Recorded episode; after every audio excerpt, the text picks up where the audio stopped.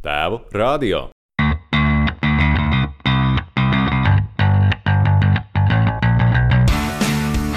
Šajā sarunā par bērniem, mazbērniem un augu bērniem, par dievu dažādajām izpausmēm un par marihuānu. Sveiks! Tu klausies tēva radio. Mani sauc Gatis Midrovskis, esmu tēva grupu vadītājs un trīs gadus vecs meitas tētis. Šodien uz sarunu esmu aicinājis Horenu Stalbi. Čau visiem, tie, kur tēti un tie, kur vēl tikai taisās kļūt par tētiem, un, protams, arī visiem pārējiem māmiņām, vecmāmiņām, vectētiņiem. Un, un mammai čau un tētim čau. No. Arī vecai mātei čau. Uh, Horens agrāk ir bijis modelis, vadījis niršanas skolu ar, uh, un ar Lindu Līnu arī piedalījies Eirovīzijā. Uh, bet tagad ar mūziku nodarbojas regēja grupā Rīga Regēja. Uh, kur sludina mīlestību un saticību, kā arī strādā kā dižokejs dažādos pasākumos un klubos. Laikā, kad uh, pasākumu muzicēšana ir liekti, viņu visbiežāk var satikt uh, YouTube sarunu šovā Rullē ar Horenu. Tā runā, ka viņš dzimis visām sievietēm par prieku 8. martā un šogad sasniedzis 50 gadu atzīmi. Horens ir četru bērnu tētis un arī vectēvs. Un, Horen, es gribētu uh, sākt tāpat, kā tu sāc savu podkāstu. Ar standarta jautājumu. Kāda ir tava reliģiskā pārliecība? Man ar to ir pavisam vienkārši. Es esmu labi iekārtojies dzīvē. Es par tādu savu reliģisko pārliecību sāku domāt tajā brīdī, nu, tā vispirms trīs gadu vecumā, kad man vecmāmiņa aizgāja. Un pēc tam, 14, 15 gadu vecumā, man bija tādas pamatīgas pārdomas, jo aizgāja mans labākais draugs, ko es kopā uzaugu brālēns, ar kuriem mēs dzīvojām kā brāļi. Un, uh, tas lielā mērā noteica man redzējumu par pasauli un domas, kā tas varētu būt, kas tas varētu būt. Pirms gadiem, 20 laikam, tas bija. Nu, iespējams, apmēram tā. Es biju Himalaya ekspedīcijā, par kuru arī esmu sarakstījis grāmatu Pusceļš Nepālā. Un mēs gājām, un lielākoties es izprašņāju šerpu, kas šerpas, ja tie ir tātad supporteri vai palīgi kalnos, ja tie, kas rūpējās par cilvēkiem, kur grib nokļūt kalnos, ja tad šerpas ir uh, kasta, līdzīgi kā beduīni, ja beduīni tuksnesī, šerpas kalnos. Mm. Un uh, mēs ar viņu gājām, un runājām, un runājām, un runājām, un, runājām, un apcelājām visādas visdažādākās tēmas. Un vienā brīdī viņš man saka, bet tu jau arī esi budists. Es tā pasmaidu viņam un saku, nu, es esmu budists. Nu, viņš man saka, nu kā, Tu runā kā budists, domā kā budists, rīkojies kā budists. Tā tad tu esi budists. Es domāju, nu, jā, acīm redzot, es esmu budists, un tas varbūt arī sasaucās bišķīt ar to peace and love un, un tādu nevardarbības tēmu un, un nu, nu, kaut kā tā. Mm. Uh, mēs pirms kaut kāda laiciņa runājām ar uh, kunfu meistaru Wolfgangu Winteru, mm -hmm. un uh, Viņš arī nu, uz, uzreiz negribēja, varbūt uzreiz tā atzīt, jā, ka viņš būtu baigais budists. Tad viņam tāda tēze bija, ka nu, kārtīgs hipsters jau arī neatzīsies. Tas jau nav stilīgi teikt uzreiz, ka tu esi budists. Bet, ne, nu, bet, bet, nu, ko, nozīmē, nu, sev, ko nozīmē budisms? Budisms pirmām kārtām jāsaprot, ka tā ir filozofija. Jā. Budisma filozofijas pamatā ir ahīms, kas ir nevardarbības princips. Lai ko mēs darītu, mēs mēģinām cik vien iespējams mazināt sekas, lai kādam būtu jācieš no tā. Tas ir pamatprincips.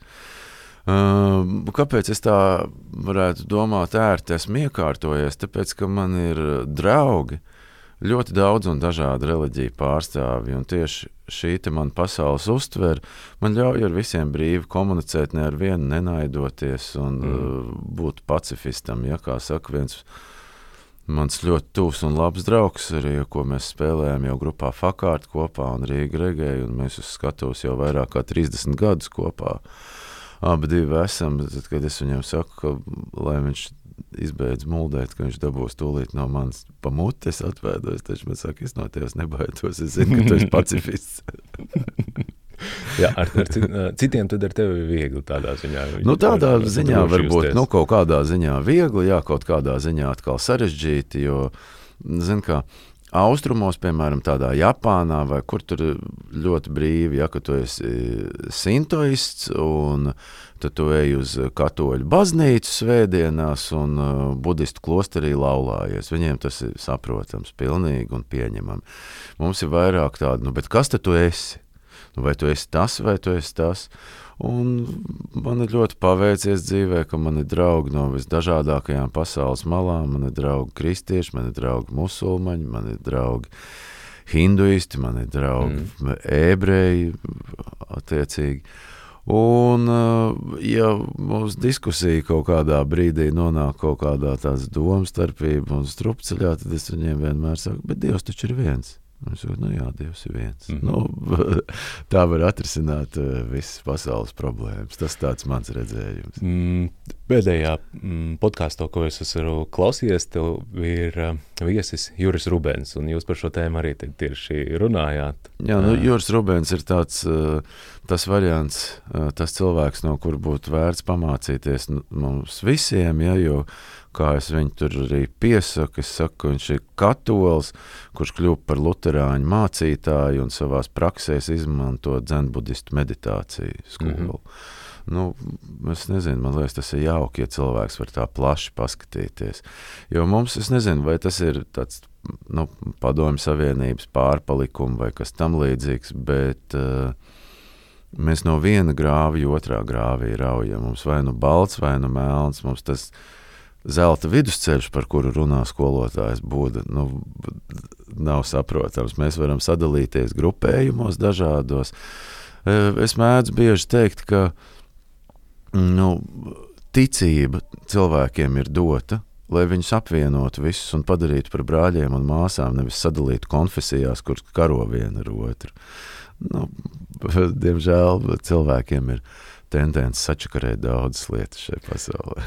Jā, tas ir interesanti. Tas, ko arī tu saki, ka vienalga kāda ir šī reliģiskā konfesija, runājot ar šiem draugiem paziņām, uh, viņi visi atzīst, jā, nu, ka Dievs ir viens. Un, un principā atšķirība ir tikai tā, kā mēs to visu tulkojam, no kāda skatu punkta Lai, skatām. lai, lai mēs nekarotu un, un nedarītu kaut kādas muļķības un neteiktu, ka tas ir mūsu dievs vai ne mūsu dievs, tad mēs varam izmantot tādu vārdu kā absolūts. Mhm. Jo skaidrs, ka viss šajā kosmosā un ārpus šī kosmosa un ārpus mūsu galaktikām un visām pārējām galaktikām viss darbojās ļoti precīzi un, un ļoti saprātīgi. Līdz ar to būtu jocīgi domāt, ka tas tā pats no sevis, tad no pats no sevis var, es nezinu, māju uzbūvēties netīšām. Nekas tāds nav redzēts, vai glāzi uztaisīties, piemēram, ilgā laikā. Nezinu, jūrā skalojās, skalojās smilšu graudiņu, un pēkšņi glāzi iznāk. Nekas Jā. Jā. tāds nav redzēts. Mm, bet šajā, teiksim, jā, mm, ticības ziņā un, un, un par tādu absolūto varbūt mīlestību runājot, man ļoti patika uh, tāds, nezinu, mm, teiciens, tā frāze, ka mīlēt savus bērnus, tas ir egoisms, bet mīlēt visus bērnus, tā jau ir mīlestība. Nu, to mēs varētu saukt, jā, nu, tā ir tāda empātija. Jo skaidrs, ka tas, kas mums pieder, tad, nu, tas ir ļoti vi vienkārši pret to izturēties kaut kā īpaši, bet izturēties kaut kā īpaši pret to, kas mums īsti nepieder. Nu, Zinu, kā cilvēkiem arī, ko nozīmē justies, piemēram, saimniekam savā zemē. Saimnieks savā zemē ir nevis tas, kurš var atļauties čipšu paku tukšu nomest zemē, jo viņš te dzīvo. Bet saimnieks savā zemē ir tas, kurš redz, ka kaut kas mētājās uz ielas, un viņš paceļ. Un es to arī mācu saviem bērniem un augu bērniem, un, un viņi to dara ar prieku, piemēram. Un pat dažreiz man viņa jāvelk prom, jo viņi uz ielas tur redz, ka vēl to mums vajadzētu pacelt, un to mums vajadzētu pacelt. Un tas ir tāds, manuprāt, tas liecina par to, ka tu skaties uz pasauli kā saimnieks. Mhm. Kā sacīja Jēzus Kristus, viņš teica, kurš grib būt kungs, lai mācās kalpot. Tā ir pirmā līdera pazīme - vēlēšanās kalpot citiem cilvēkiem. līderis ir nevis tas, kurš viskaļāk kliedz un izsaka savu tēzes, bet tas, kurš ir gatavs kalpot apkārtējiem cilvēkiem, kas ir kara vadonis vai normālā pasaulē valsts līderi. Ja. Nu, ja mēs ieskatāmies vēdiskajā filozofijā, tad tagad mēs dzīvojam kalīja laikmetā, kas ir pagrimuma laikmets, un šis laikmets saistās visvairāk ar uh, trim tādām iezīmēm. Pirmā iezīme ir, ka mēs atstāsim novārtā un nerūpēsimies par veciem cilvēkiem un maziem bērniem. Tā nebūs mums prioritāte, kam vajadzētu normālā sabiedrībā būt prioritātei. Mēs apspriedīsim un apņirgāsim cilvēkus, kuri ir ticīgi cilvēki, ko mēs arī redzam bieži vien, ja mēs paši nodzīvojām 50 gadus Padomju Savienībā. Arī tagad šādas vietas daudz ir pasaulē, un arī brīvā pasaulē nav tā, ka viss ļoti raujās iet uz baznīcu un dievu vārdu turēt. Un trešā pazīme, ka līdz laikmet, ir tā, ka valstis vadīs nevis cāri, bet zagļi, kuri rūpēsies par savu labumu, nevis par to, lai kalpotu tautai. Vai šis laikmets iezīmējās globāli vai tieši varbūt rietumu kultūrā? Es domāju, ka šis laikmets iezīmējās globāli. Kur tas vairāk izpaužās, nu, zin, kā līdzīgi kā ar slimībām. Nu, tur, kur mums ir vājākā vieta, tas mums sāp. Nu, ja mainās laika apstākļi, tad mums sāp tur, kur mēs bērnībā sasitām kāju vai roku vai sportojot. Nu, nu, tas izlec ārā taisa vietās. Nu, protams, nu, tagad jau mēs arī redzam mūsdienu pasaulē, ka daudzas lietas, kurām it kā vajadzētu mūs vienot, tieši šķir mūs. Nu, vienalga, vai tā ir tēma par minoritātēm, vai tā ir tēma par uh, vakcinēties vai nevakcinēties. Nu, diemžēl tas mūs nevis mums tā kā vajadzētu, tā kā, es nezinu, zvēriņiem mežā augstumā saspiesties visiem kopā un darīt kaut ko labu. Nu, tā vietā mēs izdomājam karojošās nometnes un saprast to, ka taisnība visgrūtākais un vissarežģītākais ko cilvēkiem ir ļoti sarežģīti saprast, to, ka tas zelta ceļš ir vidusceļš. Tas nav neviens grāvs, ne otrs mm -hmm. grāvs. Tas, jo, jo līdzīgi arī kā mūsu sapratne par higiēnu, ja, nu, vai, vai par izsargāšanos no vīrusa. Ja. Nu, sākot uh, ar cilvēkiem, kuri mežā staigā maskā, beidzot ar tiem, kuri pēc toaletes rokas nemazgā. Tie visi esam mēs. Nu, droši vien taisnība nav nevienā galējā punktā, ne otrā galējā punktā. Tā ir kaut kur pa vidu. Mhm. Nu, to ir visgrūtāk saprast, jo tos galējos punktus mums uztverti daudz vienkāršāk nekā to zelta vidusceļu. Jo tas mūs nespiež, un tas mūs arī nepasargā, jo mēs visi gribam piederēt, kā es mēdzu jokot, es saku, nu, cilvēki ir bari dzīvnieki, jebkurā gadījumā. Uh, Un tad mums ir ļoti viegli piederēt vai vienai grupai, vai otrai grupai, bet tas, ka mēs varētu uzklausīt veselo un skaidro saprātu, tas ir pats sarežģītākais, jo tad mēs riskējam palikt vieni. Mm. Jo, kā saka Pēters Kļāve, ja, viņš saka, nu, ar galvu domā 4% no pasaules iedzīvotājiem. Es turpinot viņa frāzi, saku, nu jā, pārējie domā vai nu ar televizoru vai internetu. Jā, tad tā ir. Uh, kā, kā tev uh, ģimenes dzīvē vispār tev izdodas ievērot kaut kādu to zelta vidusceļu? Nu, tas ir redz, grūti. Tu man spiedi tagad stūrī. Skaidrs. tas ir forši. Tas ir forši. Tādi jautājumi jau viskolosālākie. Nu, es mēģinu, un es ar savā dzīvē esmu pārliecināts. Pirmkārt, jāsaka uzreiz, ka ģimenes dzīve nav paredzēta cilvēkiem, kuriem nav humora sajūtas. Bez tā citādi tas ātri var aprauties. Bez tā neiztikt nekādā veidā, jo, ja tu neproti pasmaidīt pats par sevi pirmām kārtām, un arī par apkārt notiekošo, nu, tad tā ātri var sajukt prātā, jo visi jau mēs dzīvojam ilūzijās, un nekas nenotiek pēc mūsu prāta. Ja? Cilvēks domā, Dievs dara. Nu, skaidrs, ka dažreiz es uzrūcu bērniem, bet nu, es varbūt esmu tāds arhaisks cilvēks. Man liekas, ka Man liekas, ka stingrībai ir jābūt pret bērniem. Varbūt kādam patiks man vārdi, kādam nepatiks. Vēdiskā kultūra māca, austrumu zināšanas māca par to, ka mamma bērniem sniedz tikai un vienīgi mīlestību, un tēvs savu mīlestību, respektīvi, mamma sniedz savu mīlestību caur maigumu, mhm. bet tēvs sniedz savu mīlestību caur stingrību. Mūsdienās laikā stingrībai neobligāti ir jābūt asai. Sāpīgai.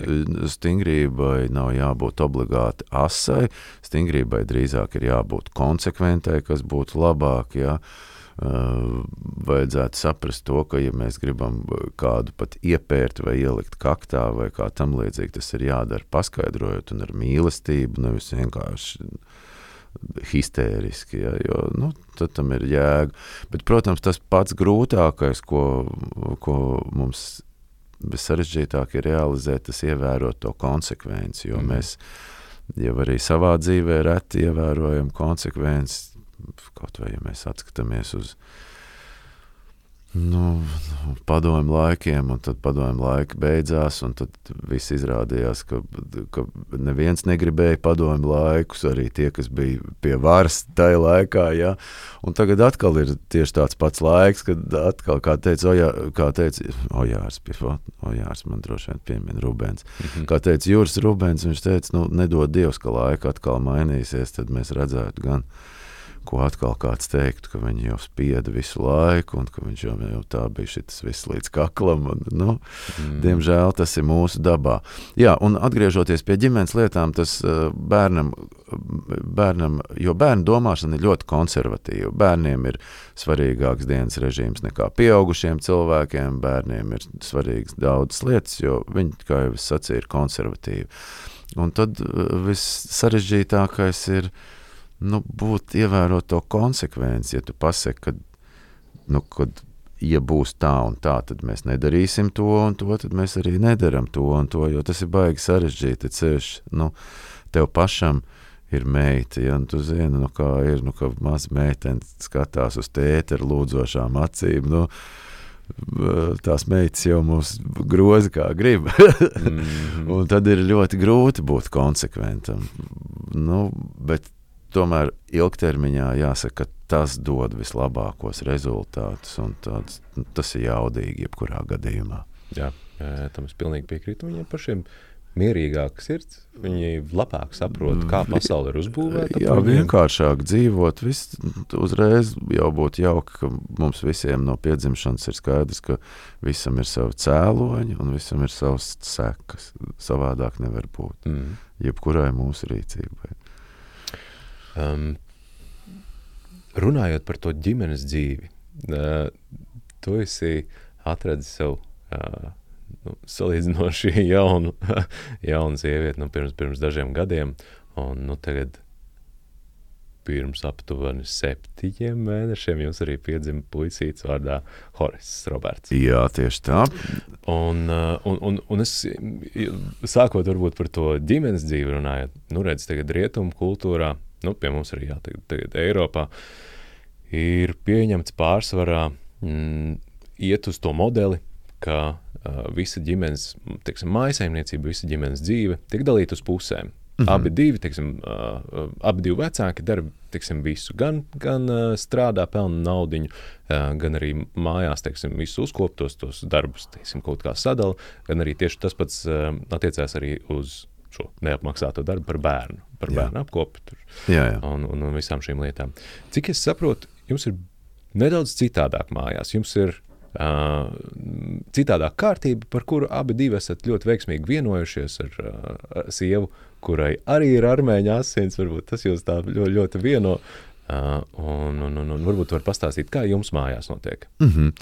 nu, mēs balstāmies uz uh, gadsimtos un gadu tūkstošos pārbaudītām vērtībām, neko jaunu neizgudrojot, jo viss jaunais jau jebkurā gadījumā ir labi aizmirsts vecais.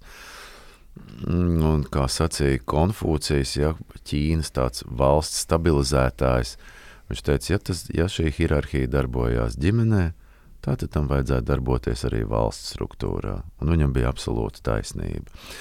Uh, mums ģimenē ir tā, ka par naudas pelnīšanu atbildīgs ir vīrietis, un par mājas rūpēm lielākoties atbildīga ir sieviete, Lusinē, man mīļotā sieva. Uh, teikšu godīgi, ka šādu modeli es esmu piekopis visās attiecībās, arī kuras man ir bijušas iepriekš, jo man jau ir bērni arī, ja Horesam ir pusgads, ja, tad Hores vecākajam brālim ir 30 gadi. Un manam vecākajam mazdēlam ir 7 gadi, jaunākajam mazdēlam 2 gadi, kuram Hores ir attiecīgi onkulis. nu, lūk tā. Nu, es domāju, ka tas dod tādu milzīgu brīvību, jo sievietei ir jauki, ja viņi varētu neiespringt pa naudas lietām un vairāk veltīt sev bērniem.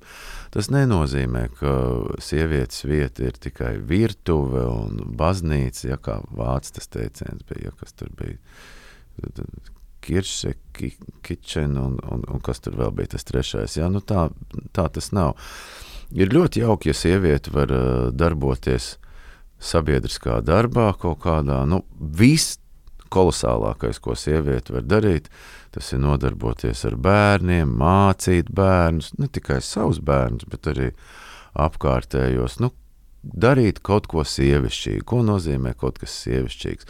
Mācīt, zīmēt, mācīt, glēznot, dējot. Nu, ir milzīgs, ja tās, es, tās nav robežas. Nu, respektīvi, darīt kaut ko sievišķīgu. Es domāju, ka tas ir jauki un tas ir forši. Un, un skaidrs, ka es arī nu, mājas darbos piedalos. Nu, piemēram, es uzskatu, ka sievietei nav jāiznes nekāda atkritumi, jo viņai vispār labāk nevajadzētu pieskarties ne pie kā tāda, lai viņa labāk pieskarās un samīļo bērnus, nevis aiztiek kaut ko šmucīgu, kā latvieši mēdz teikt. Nu, tādas tehniskas lietas, viss tas ir uz maniem pleciem, sākot ar putekļu sūcēju, tur darboties un tā tālāk. Nu, tas arī neklājās sievietei, manuprāt. Nu, es redzu to tā, jo viss, nu, kā austrumu kultūra mūs māca, kuras piemin jau nereiz vien, uh, vislabākais, ko sieva var izdarīt, tas ir pat vīrietis, kurš ir bagāts un turīgs, Nevis viņš ziedo labdarībai kaut ko, bet viņš iedod naudu savai sievai, un viņa ziedo labdarībai. Vienu kleitu mazāk nopērk, bet ziedo tiem, kuriem viņi uzskata par nepieciešamu, kam vajadzētu. Mēs arī nodarbojamies ar um, šādu te praksi. Mēs braucam pie bērniem uz bērnam, uh, jo, lai kā varētu likties, nu, visvairāk viņiem ir nepieciešama mūsu uzmanība un lai kāds ar viņiem aprunājās, jo tas viņiem pietrūkst visvairāk. Viņiem visiem ir viedi tālruņi, iPhone, viss, kas vajadzīgs, datori. Viņiem nekas nepietrūkst no tā.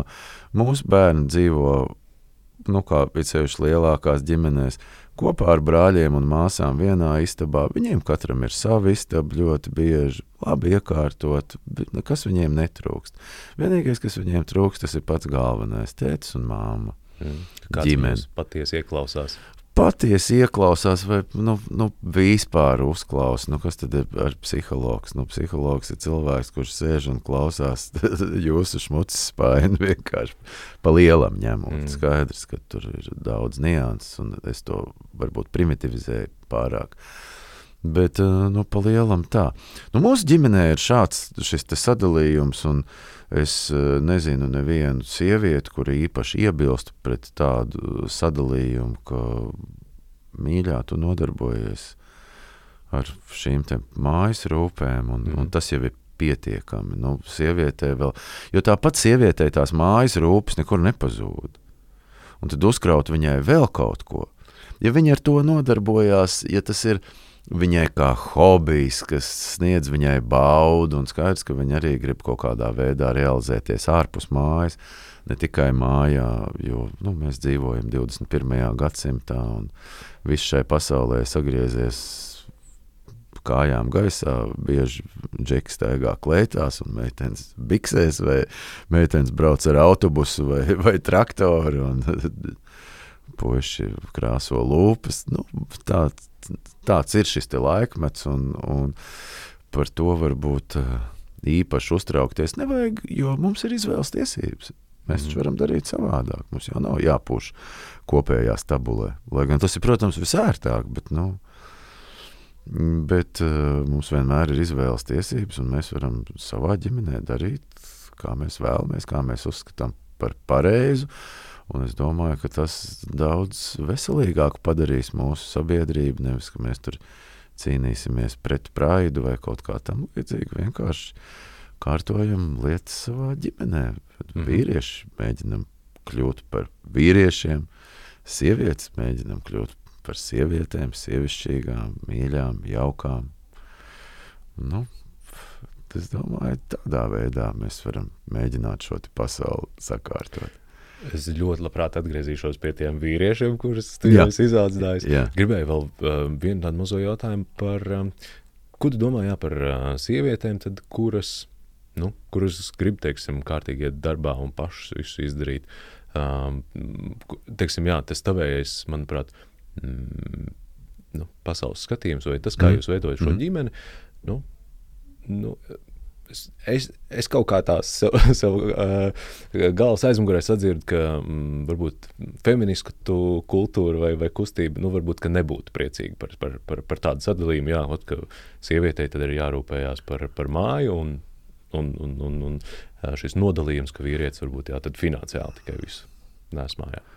Es negribētu arī kaut kādā veidā, lai viņas man piekrīt, jo tas nav mans mērķis. Viņām ir sava pasaules uzskata, man ir sava pasaules uzskata. Nav obligāti tā, ka mums ir jākaro dēļ tā, pasarg Dievs. Katrs var domāt, kā viņš vēlās un dzīvot, kā viņš vēlās.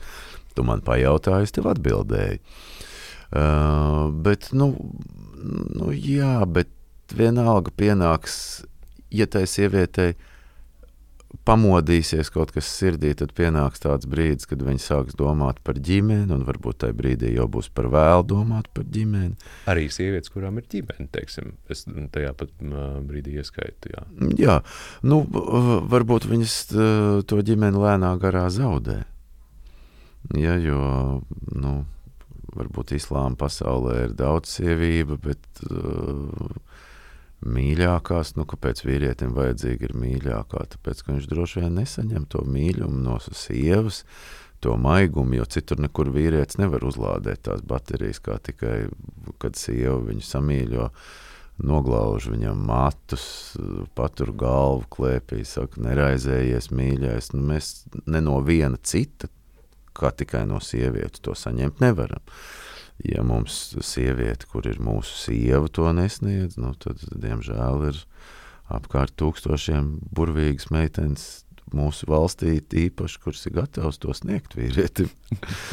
Tā kā to arī vienmēr vajag paturēt. Skaidrs, ka, ja sieviete ir uh, strādājusi no agrā rīta līdz vēlam vakaram darbā, nu viņai tā viņai īpaši negribās vēl kaut kādu savu tur siltumu un mīļumu kādam dāvāt. Drīzāk vienīgā vēlme ir, lai bērni ātrāk aiziet gulēt, kaut ko fiks pagatavot viņiem ēst. Lielākoties nu, arī nu, cilvēki strādā, pelna naudu, bet ēd viņi bieži vien kā bezpajumtnieki parkos, nu, ko tur frī kartupeļus, kaut ko tādu. Mums vienmēr mājās ir garšīgs ēdiens, pagatavots ēdiens ar mīlestību. Ar, nu, Skaidrs, ka forši ir ēst dārgā restorānā, bet nu, dārgā restorānā ēd tie, kuriem nav mājās ko ēst. Mm. Diemžēl tas tā ir, groziet, kā gribiet. Kādreiz aiziet, protams, tas ir kolosāli. Nu, kaut vai, kaut vai paņemt kebabu uz mājām, lai sievai nav jāgatavo. Jo, ja sieviete gatavo ikdienā, tad viņai tie ir svēti, kad viņa var negatavot vai aizbraukt ceļojumā uz viesnīcu, kur viss ir iekļauts un, un ēst trīs reizes dienā un nedomāt par to, ka, ka tā, nu jā, ka, ka vajadzētu stāvēt pie plīts un izdomāt, ko garšīgi pagatavot. Ja? Jo mēs jau arī dzīvojam, mums gan tā mīlestība ir tāda fast food, gan, gan arī tas ēdiens, ko mēs ēdam. Nu, nu, normāli cilvēki jau Es gribētu teikt, nē, tāda ēdiena. Tas ir. Es negribu nevienu aizvainot. Pasargi Dievs, ēdiet, ko jūs gribat. Tas nav tā, ka es jūs pamācu. Bet, Bet, ja Nu, vienkārši jū- jūs, jūs, jūs esat tas, ko jūs ēdat. Tā Mm. teikt, kāds ārsts. Nu, tad padomājiet, ko jūs ēdat. tam es pilnīgi varu piekrist. Aiziet uz kaut kādu restorānu. Mēs ar sievu bieži vien, jā, tieši tāpat ik pa laikam kaut kur aizējām, mm. -hmm. iepriecināt sievu, tiešām, lai, lai ir Tas ir ļoti jauki, ļoti burvīgi. Es pasargu Dievs, es nesaku, ka nevajag iet uz ielas restorānu. Un tajā brīdī mēs saprotam, pats, bet mēs taču mājās labāk varētu uztaisīt. Nu, protams, es vienmēr sievai saku, ka, nu, mīļā, viņa man saka, nu, kā, es saku, nu, protams, ir kolosāli, bet, nu, tas nav tā, kā tu gatavo. jā, Un, uh, piemēram, islāmā ir tāda, mm, viens interesants tāds punkts, ko es varētu uh, dot tādu rekomendāciju visiem kungiem, kuri mūs klausās. Islāmā ir tā, ka ir divi, uh, divu veidu meli, kur ir pieļaujami. Un tie pat īsti nav meli, bet tā ir tāda pasaules uztvere. Tev sievai vienmēr ir jāsaka, ka viņa ir viskaistākā pasaulē, un tev sievai vienmēr ir jāsaka, ka viņa vislabāk gatavo pasaulē. Nu, tie ir tādi divi vaļi. Ja? Nu, iespējams, ka tās sievietes, kuras negrib gatavot, bet grib, piemēram, nodarboties ar biznesu no rīta līdz vakaram, varbūt viņām blakus nav bijis īsts vīrietis, kurš ir pateicis viņām, mīļā, tu tik garšīgi gatavo, no ko citu darīt. Ja tu nemāki gatavot, tad vislabākais būtu iesaistīt iesaistīties juridiskajā darbā vai Mm. kādā tam līdzīgā, kas ir diezgan vīrišķīga profesija, manuprāt.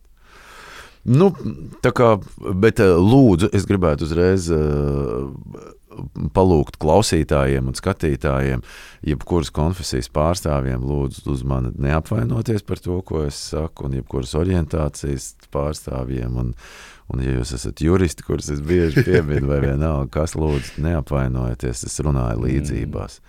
Tas nav tā, ka es, man nepatīk juristi. Vai, un arī lūdzu, uztveriet visu to, ko es saku, tā ka es izsaku vienkārši savas domas. Es nemēģinu jūs pārliecināt, un es negribu, lai jūs man piekrītat. Mm. Es um, mm, kaut kur arī dzirdēju, jā, ka tev arī tīri patīk tādi draugi, kur tev nepiekrīt, ar kuriem var padiskutēt. Tā tā. jā, tā ir tāda viena no manām teorijām. Es saku, nu, kāda man jēga no draugiem, kur visu laiku man māja ar galvu. Foršāk ir, ka viņi ir savādāki, ka es varētu no viņiem kaut ko iemācīties, izdzirdēt kaut ko tādu, kas man vispār nav ienācis prātā. Tāpēc man arī ir riņķi un apkārt ļoti dažādi cilvēki, ar kuriem es labprāt kontaktējos. Un, kā saka, man mīļotā sieva, viņa saka, nu jā, nu, tu ar visiem, bet nu, droši vien, ka tā mana regēja pārliecība un tas mans pasaules redzējums ir tāds, ka dārgā limuzīnā braukt ar aizvērtiem logiem, tas laikam nav regēja mākslinieki cienīgi un teikt visiem, ka visi mēs taču esam brāļi un māsas, tas neiet kopā ar to ideju, ja? līdzīgi Mm. kā Kurts Kobēns lika savai sievai pārdot dārgo mašīnu, ko viņa bija nopirkusi, jo viņiem jau bija miljoni, viņš teica, nē, mēs dzīvosim vienkāršā mājā, mēs drēbes pirksim tikai humpalās, tāpēc, ka mēs esam panki, mums tas viss nav vajadzīgs. Tas, ka mums ir nauda kolosāli, mēs izdomāsim, ko darīt ar to naudu. Mm. Bet uh, isn't all the glitters is gold? Kā saka Bobs Mārlīs savā dziesmā, nevis zelts, kas spīd. Jo pusi no stāsta vienmēr paliek nepateikta. Uh, nu, klausies, es jau ievadā teicu, ka tev ir uh, nu jau četri bērni un divi mazbērni.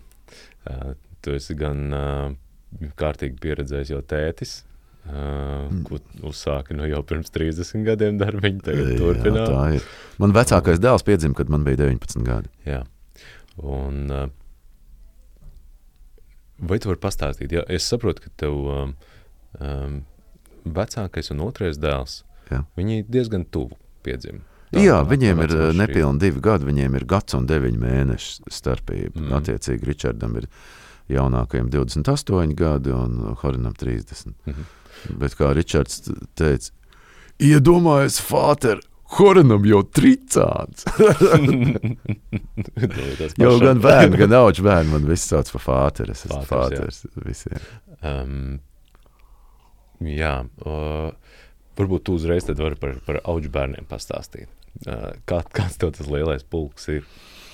Man auģu bērni ir, jā, jo, jo es esmu pietiekami sens, līdz ar to man ir bijušas attiecība pieredze jau arī pirms tam. Uh, Un augu bērni man ir nu, tādi, kurus es rīktīgi varētu uzskatīt par saviem augu bērniem, ir seši.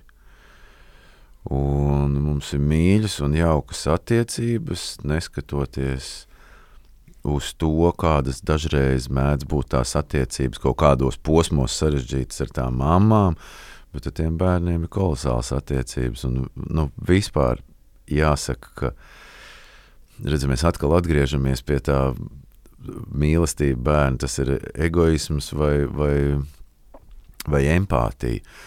Un vienmēr vieglāk ar tiem augu bērniem iet nekā ar saviem bērniem.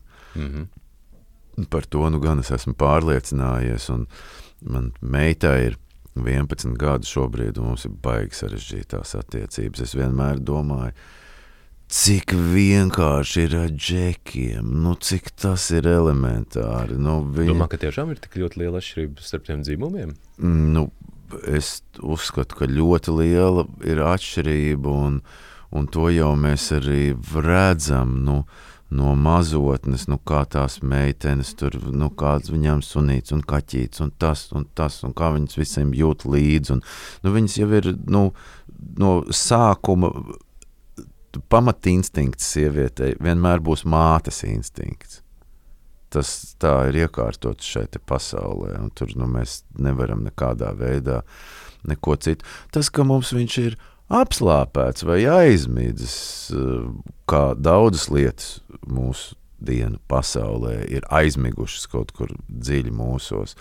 Tas ir cits jautājums. Lai viņas tur guļ, viņas tur ir jebkurā gadījumā, jo tas, nu, mūsu ķermenis ir pilns ar kodiem, kurus mēs nevaram izmainīt. Nu, mēs esam tādi, kādi mēs esam. Un, tā kā, nu, nu vienalga, nu, tās meitenes ir mīļākas un līdzcietīgākas un tā tālāk, un iespējams, ka tieši tāpēc viņas arī nu, asāk reaģē. Nu, Sievietē ir uh, kāda tendence? Sievietē ir tendence vēlme, lai pret viņu izturās ļoti maigi un ļoti iecietīgi. Turpretī strīda laikā sieviete var būt ļoti nežēlīga pret vīrieti. Ja, jo, kā saka skolotājs, būda zobens, kurš cērt vissāpīgāk ir vārds, groz kā gribi. Mm -hmm. Nu, un eh, sievietes ir vārdu meistari, ja notiek vārda apmaiņa. Ja, tad sievietēm vēl ir arī tā fantastiskā atmiņa, ka viņas var tev pateikt, toreiz tu atceries, ko nu, vīrietis ir aizmirsis jau nākamā dienā, kad skaidrs, ka es neatceros, un no kurienes vispār viņai tāda faila. Mm. Nu, tas viss ir jāņem vērā, un, un tas jau ir mūsu tai būtībā. Es saku, tas, ka tas guļ un ir apslēpts kaut kur dziļi iekšā, tas nekas vajadzīgā brīdī tas uzziedēs. Mm. Bet, nu, nu man ir baigi sarežģīti mums, lai mēs vispār normāli aprunātos. Ir. Es saprotu, ka uh, tas ir arī ārēju apstākļu dažādu diktēts. Ja? Nu, Pirmkārt, uh, To, ka tie bērni neiet uz skolu un viņiem nav tā sociālā dzīve, nu, tas ir diezgan traģiski. Tas, ka viņiem ir jāsēž pie tiem datoriem un telefoniem, kurus mēs viņiem tik ļoti gribējām atņemt visu laiku, lai viņi taču iet ārā spēlēt bumbu un iet uz sporta nodarbībām un glezno un zīmē un visu, visu to pārējo. Ja, tagad mums ir jāpiespiež sēdēt pie tā datora, jo viņiem ir jāmāca kaut kādā veidā tā klase jāpabeidz. Mm. Nu, nu, nu, nu, tur ir daudz tādu ārēju apstākļu. To es ļoti labi apzinos. Un, un arī tagad, pat tīneģeri, tagad 11 gadu vecumā, nu, jaunieši ir tīneģeri. Nu, patīk mums tas vai nē, ar visām no tām izrietošajām sekām. Nu, tad, kad es augu, tad tīneģeri bija 14, 15, 16 gadi. Nu, es izjūtu tad tās asākās kolīzijas, un tur savas domas par reliģiju. Es biju pārliecināts, piemēram, tajā laikā, ka es kļūšu par mācītāju, kristiešu. Un, Tev jau tad teoloģija interesēja. tas man interesēja sākotnēji, mm. cik es sev atceros. Man principā nekas tāds nu, ir dievišķais un pasaulīgais, un man pasaulīgais interesē vispār kopumā ļoti maz. Jo tad jau arī, nu, kāpēc stop the war, kāpēc kaut kāds karš jāaptur, kāpēc brāļi un māsa, kāpēc miers un mīlestība. Tas viss ir tādas globālas lietas. Nu, un, tās man arī visvairāk interesē, un tās es arī visvairāk mēģinu saprast un izprast. Un, jā, nu, neskatoties uz to, ka es pieturos pie, pie budismu doktrīnas, es kristietību mīlu un islāmu mīlu, un es, un es to saku nevis vienkārši tā, bet es tam esmu izurbies cauri, un es esmu izstudējis šos svētos rakstus, man ir ļoti drau, daudz, nu, es varētu teikt, kā Latvijas vidējam iedzīvotājam man ir ļoti daudz draugi, mācītāji, kristieši. Un, un es ar to lepojos, un man ar viņiem vienmēr ir interesanti. Un, un es tik daudz uzzinu no viņiem un Mm. mācos. Un, un tā ir kolosāla izglītība arī teoloģija. Jā, nu, tā kā, zin kā, un, un ļoti vienkārši ir, tāpēc, ka mums ir ļoti vienkārši mīlēt kaut ko tādu, no kā mēs drusciņi varam distancēties. Mums ir viegli mīlēt Dievu, mums mm. ir viegli mīlēt Frediju Merkūriju vai kaut ko tādu, jo mums ar viņu nav jādzīvo kopā un ar viņu johaidīja 11 kaķiem, kur taču ir ne tikai mīļi, mīncīši, bet arī ēd, čūrā, kakā un tā tālāk. Mums to, kas ir no mums nedaudz distancēts, no kā, mē, pareizāk sakot, no kā mēs spējam distancēties. Tas mums ir viss baigi forši un baigi mīļi, un, un, un, un tas, nu, ar to mums ir viegli tikt galā. Nu, tā kā pedagogi, nu, piemēram, arī, kuri rīko nometnes un tā tālāk, un viņi saka, es nevaru saprast, es ar desmit bērniem mierīgi tieku galā, kā tur ģimenē var būt, ka kāds netiek, un pēc tam tā, ka viņiem ir bērni. Mm -hmm. Tad viņi saprot, kā ir, ka viņi bauros saviem bērniem un nevar diezko tikt ar viņiem galā. Skaidrs. Tādā veidā ļoti vienkārši. Un tāpēc arī man vienmēr ir kolosāli, piemēram, arī runājot par augu bērniem. Nikita, mans augu dēls, nu, nu, viņš ir tāds budists, nu, viņš ir visiem budistiem budists. Es neesmu vispār budists salīdzinājumā ar viņu, kā viņš domā, kā viņš redz pasauli. Un, un, nu, Cik viņam ir tagad gadi? uh, Nikam ir 26. Mm -hmm. Un viņš dzīvo arī ārzemēs. Viņš strādā uz kuģiem, uz dārgajām jachtām, kas apkalpo miljonārus. Viņš ir apkalpojošais personāls. Viņam arī jau no bērna. Viņš bērnībā arī mazs zēns bija.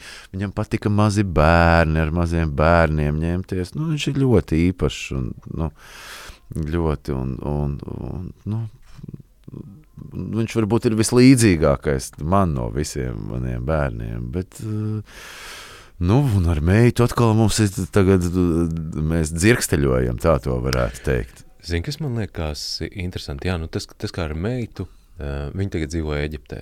Nē, viņi dzīvo Latvijā. Ah. Viņi dzīvo Latvijā, un, un tādā ziņā viņai viss ir kārtībā, un viss ir perfekti, un viņa ir pēdus, un viss viņai ir forši, un viņa sāk nodarboties. Vispirms viņa uh, viņai ir absolūtā dzirde, viņa ir kolosāli muzikāli. Tad viņi izdomāja, ka viņa ar mūzikas skolu negrib nodarboties, ka viņa vairāk neies uz mūzikas skolu. Es, protams, spiedu, spiedu, spiedu, spiedu. Beigās es domāju, ok, labi, lai viņa neiet. Lai viņa neiet, lai labāk viņā saglabājās tā mīlestība pret mūziku. Varbūt kādā brīdī tas izšaus. Ja? Jo nu, es, piemēram, arī visu manu dzīvi ir viena vienīga mūzika. Es nepazīstu notis, piemēram. Tas mm -hmm. man netraucē muzicēt un dāvāt cilvēkiem mūziku un priecēt viņus ar mūziku. Es domāju, nu labi, nu Dievs ar to. Nu, tad, tad, tad vīnsurfings. Viņai, viņa pie kam ir arī, viņai ir tāpat problēma, kas ir arī daļēji man. Viņai viss ļoti labi padodas. Mm. -hmm. Viņai, kam pieskarās klavieres, spēlēs, viņa saka, Beatrice, bet tas ir tik īpaši, ka tu spēlē klavierus. Viņa man saka, pff, Viss spēlē klavierus. Viņa saka, nu, nav tā, mīļā, nu, nespēlē visi klavierus. Un ne visi var spēlēt klavierus. Dievs, kas tur tāds? Tad viņi sāk nodarboties ar windsurfingu. Pusgadu viņi ir nodarbojusies ar windsurfingu. Treneri visi saka, super, viņai jāmauc uz sacensībām, tas ir viņas, viņai sanāk kolosāli. Viņa tāda, nē, es negribu vairāk nodarboties ar windsurfingu. Kāpēc? Negribu un viss. Mm. Nu, viņa... Tas ir tāds teenageru prot protests, es to saprotu. Nu, tas, kā es ar viņu kontaktējos, es viņai katru dienu man ir tāds rituāls, viņai iesūtu kādu mīļu izziņu no sevis. Kaut arī, lai viņi man ko teiktu, un lai mm. viņi man ko atbildētu, kaut vai es esmu nelietis vai vienalga kas, es cenšos izturēties ar mīlestību. Es uzskatu, ka tas ir man kā budistam pārbaudījums, cik tā mana empātija ir dziļa. Ja? Jo kamēr mēs tā forši smaidām un runājam, un viss ir kolosāli un tā tālāk. Tikmēr jau ir viegli pie pilna galda, ir daudz draugu, bet mm. uh, tad, kad nav nekā, kur ir tavi draugi.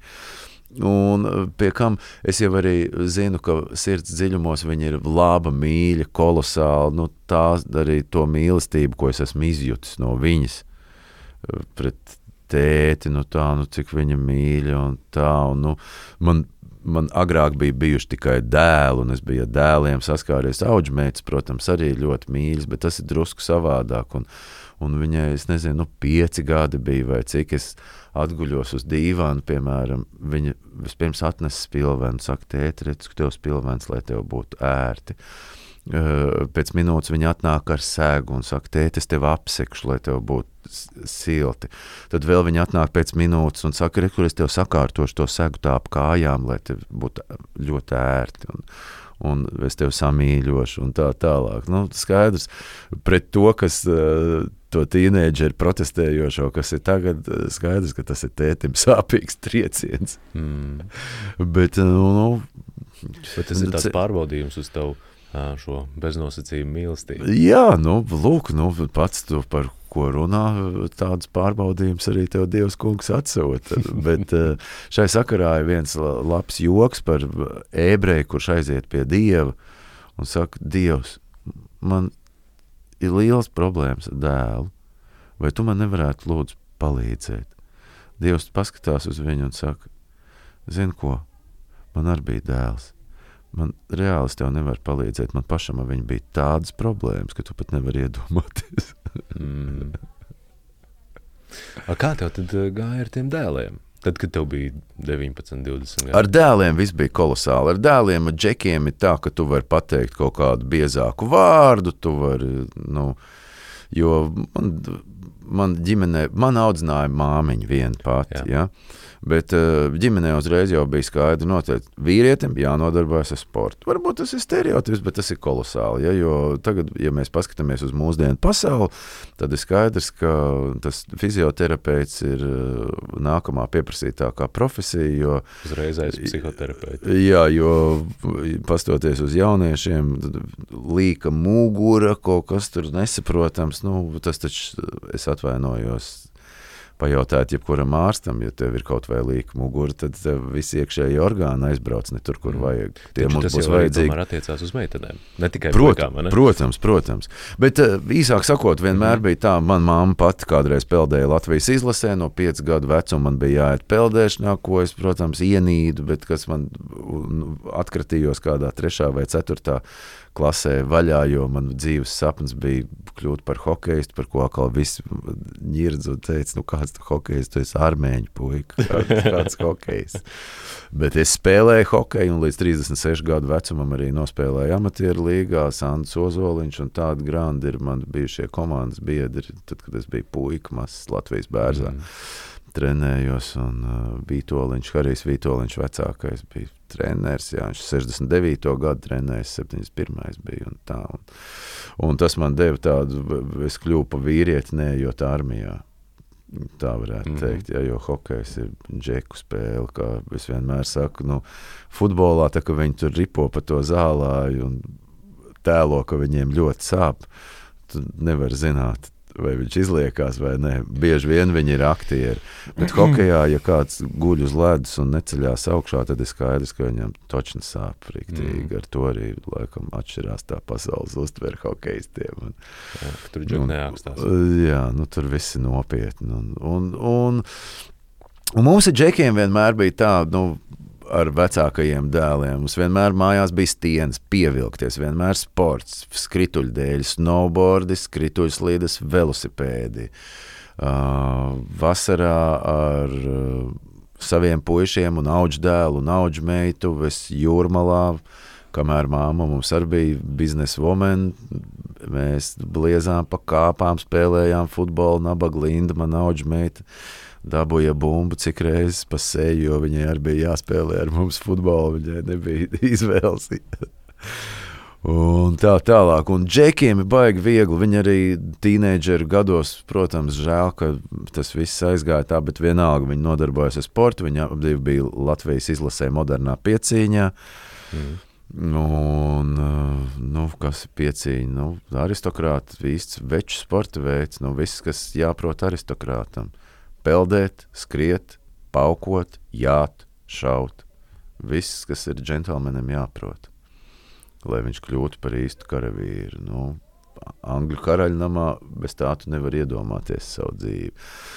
Un līdz ar to mums ir tādas, nu, tādas attiecības, ka tu vari tur pleciņu vai pendeli uzsist viens otram, un, un, un jaunākais puisis, kurš dzīvo Norvēģijā viņš arī vienmēr atbrauc tāds, nu, Fāter, cik reizes tu vari pievilkties. Viņš ir kickboks nodarbojās, tur bija tādā amatieru līmenī un tā. Un tas ir mums ir kā ģimenē viss tāds ielikts, un līdz ar to mums tās mhm. veču attiecības tādas baigi vienkāršās. Tas jā, fiziskās arī tomēr. Nu, tāds, nu, ja kāds kaut ko, nu, zin, tas ir tā kā tā kā hokeja. Nu, ja cilvēks nesaprot to labu, tad otrs variants, nākamais, kā viņam to paskaidrot, ir fiziski. Ja, un, un, un hokeja tas notiek viss baigi vienkārši un baigi dabiski. Es esmu mākslinieks pēc savas dabas, un empātisks un budists, un iespējams vienīgais hokejs pasaulē, kuram uz ķiveres ir rakstīts Stop the War un Save Tibet un tā tālāk. Bet es hokeja laukumā diezgan rupi spēlēja un varēja viegli iesist pretiniekam. Ko gan man bija sarežģīti izdarīt vēlāk, nodarbojoties ar boksu. Jo boxā man bija krietni grūtāk sist pa seju kad otram cilvēkam. Un pat kad ir tās bruņas, bet tā motivācija, jo hokeja, ja kāds tev aizķiksē, tev nobremzēt un iekrāmēt viņam pa muti baigi viegli, bet boxā es nevarēju īsti saprast to, jo boks ir tik ļoti džentlmeņa sporta veids. Ka, tā ir tīra cīņa. Jā, nu, nu karēvis. Jā, nu, zin kā, kā teica izcilais viens no maniem elkiem, no kuriem es ļoti daudz smeļos, Muhameds Alī, kurš, kuram atņēma zelta medaļas tituls boxā pasaules čempiona čempionu tituls. No viņa, starp citu, es esmu arī aizgūstis to stop devoru, ja, jo viņš bija lielākais stop devoru sludinātājs, par ko viņam atņēma tās zelta medaļas, par to, ka viņš atteicās iet armijā un piedalīties Vietnamas karā. Viņš teica, kurš grib cīnīties, lai nāk ringā un cīnās. Jūs slepkavojat sievietes un bērnus, tā nav nekāda cīņa. Mm. Nu, par to viņam atņēma titulus, bet toties mēs viņu atceramies vēl šobrīd kā izcilu, gaiši domājošu cilvēku. Jā un izcilu filozofu. Priekš manis pirmkārt viņš ir filozofs. Jā, pamatā filozofs, un pēc tam jau mēs tikai uzzinājām, ko viņš īstenībā dara boxeringā, ko ar cilvēkiem var izdarīt.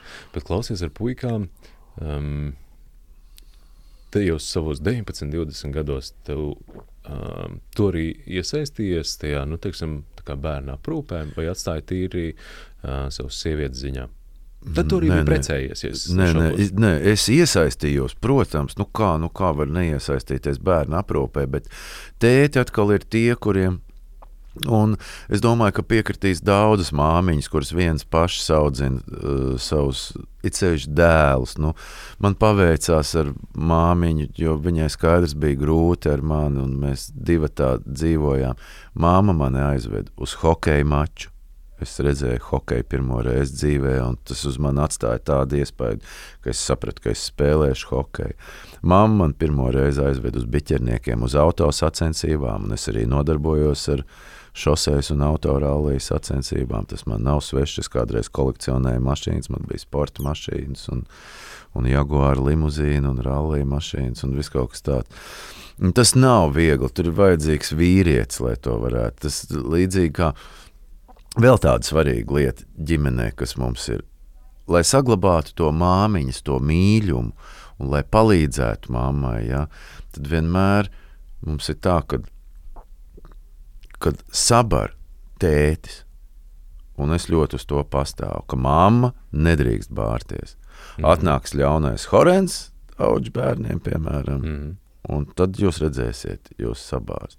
Mammai nav jāielaižās, vēl pasargāt Dievs, klopēt tos bērnus vai kaut ko tamlīdzīgu. Sievietē dabīgi ir dot mīlumu, un tā ir lielākā vērtība, jo mēs to mīlumu ne no kuras citas vietas izspiest nevaram. Vienkārši kā tikai no jums mīļās dāmas, meitenes, princeses, karalienes. Klopēšanu tu piepraktizēji? Nu, tāda nu, klopēšana, nē, no, nu, tāda uzšaušana, tāda tādu džeku, un es uzskatu, ka tas ir pilnīgi normāli. Nu, ja, nu, nu, kas tad ar to džeku notiks, ja viņi kāds iebuhņīs skolā? Ko viņš darīs? Raudās? Nē, es, es jau runāju vairāk nu, par kaut kādu tikšanu, pēršanu. Tiksim, kārtīgi, nu, uh... nu, nē, nu, pēršana, tāda baigā pēršana, tā ka tu novelc bikses, paņem žagarus un pēr. Nu, nē, nu, vairāk tur tā, kā teica man viena Dakteris viņa saka, nu, vajag paraustīt aiz matiem vai ausīm, tad uzlabojās tā asins rita un labāk domāšana strādā. Tas nav nekas slikts. Bet nu, nu, tā, nu, vajag tur likt, klopēt vai kaut ko tādu. Nu, nē, nu, nu, džekiem jau pietiek, ka, tu, ka viņi jūt. Nu, džeks jau ir džeks, viņš jau jūt to spēku uzreiz, kad, kad tu kaut vai paņem viņai aiz rokas un pietur dažas sekundes, un viņš saprot, ka ir spēks kaut kāds. Un es nezinu, nu, vīriešiem. Nezinu, nu, nezinu, nu, varbūt es esmu vecmodīgs. Nu, man šķiet, ka vīrietim jābūt vīrietim. Nu, piedodiet man to. Un tas, kas attiecās arī uz tiem praidiem un uz visām tām geju tēlēm, es neesmu ne par, ne pret. Es esmu par zelta vidusceļu, jo kādreiz viņus lika cietumā un pazemoja, un tagad viņiem dod bērnus. Es domāju, ka zelta ceļš ir pa vidu nav nevienā grāvī, ne otrā. Jo mums tomēr ir jāturās pie kaut kādām ģimenes vērtībām, nu vismaz kaut kādām, un jāpraktizē tās. Jo bērnu jau nekas labāk neiespaido kā tavs piemērs. Tu jau man pieminēji par tiem dēliem. Ja? Mm -hmm. nu, kāpēc viņi ir tādi? Nu, tāpēc, ka Fāters tā dara. Nu, kā, nu, ja Fāters pumpēs, un es to redzēju arī ar savu auģu dēlu Filipu. Nu, nu, piespiest viņu tā. Es, piemēram, katru rītu vingroju, katru vakaru vingroju. Es uzskatu, tas ir normāli. Džekam tā jādara. Un es viņam no sākuma tā, nu, kas ir vecīt, vai pumpējamies, kas ir, cik reizes tu vari piepumpēties tā, un viņš tā. Un pagāja kaut kāds laiks, un, un es redzu, ka viņš arī pompējās, lai gan es viņam neko tādu neesmu teicis. Un tā mums ar vecākajiem dēliem, lielajiem, ar mēs visi satiekamies, tad mēs vienmēr, nu, kurš cik reizes mm. var pievilkties. Tas neizslēdz nekādā veidā mentālo tuvību. Un ceļš Ričards, kurš ir kickboxers, kurš vienmēr grib sabučot tēti, un mums ir tādas attiecības ar viņu. Jā.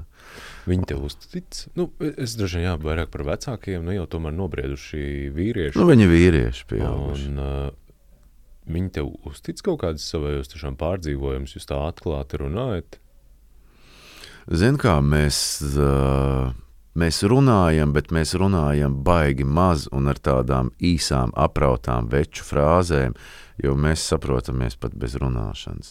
Jo atkal, sievietēm ir svarīgi izrunāties. Sievietes runā un tur apspriež ar mm. draudzenēm un to un sazvanās un, un kaut ko tādu. Ja? Uh, mana māma, nu, Oma, puišiem, viņa smējās un saka, mums, jūs vispār neko nerunājat.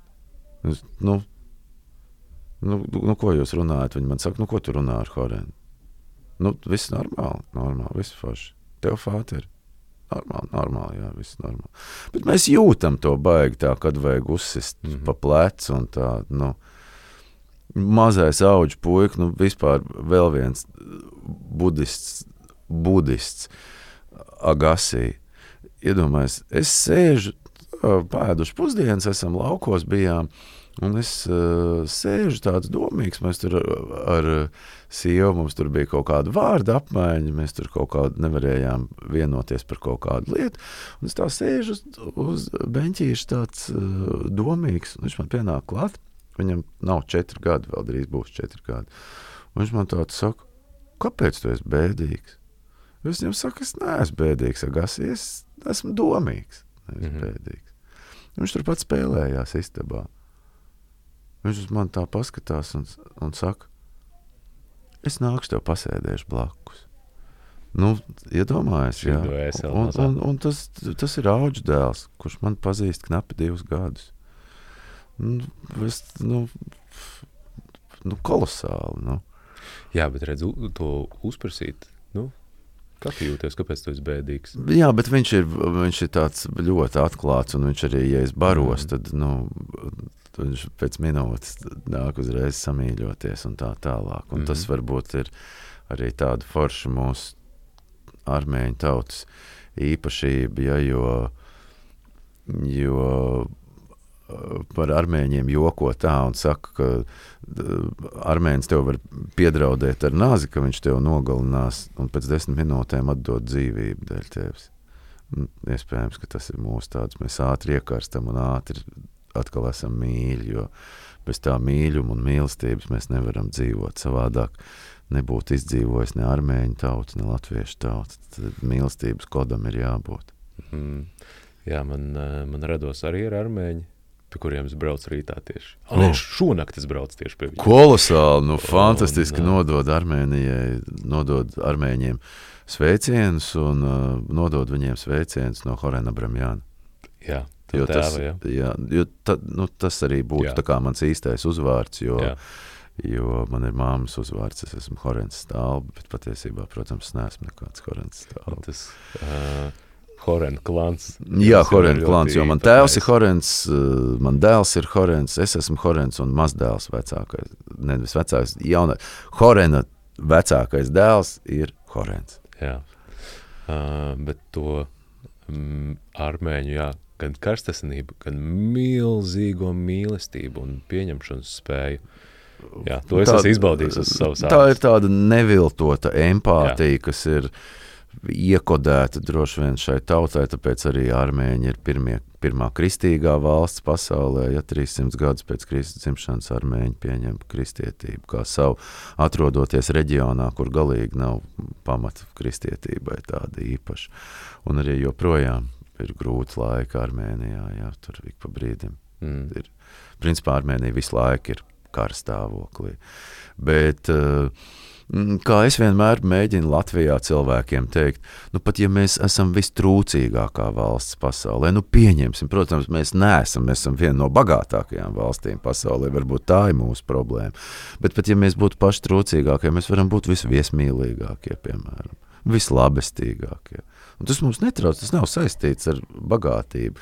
Mēs ļoti bieži uh, lielu trumpi liekam, es pasargu Dievs.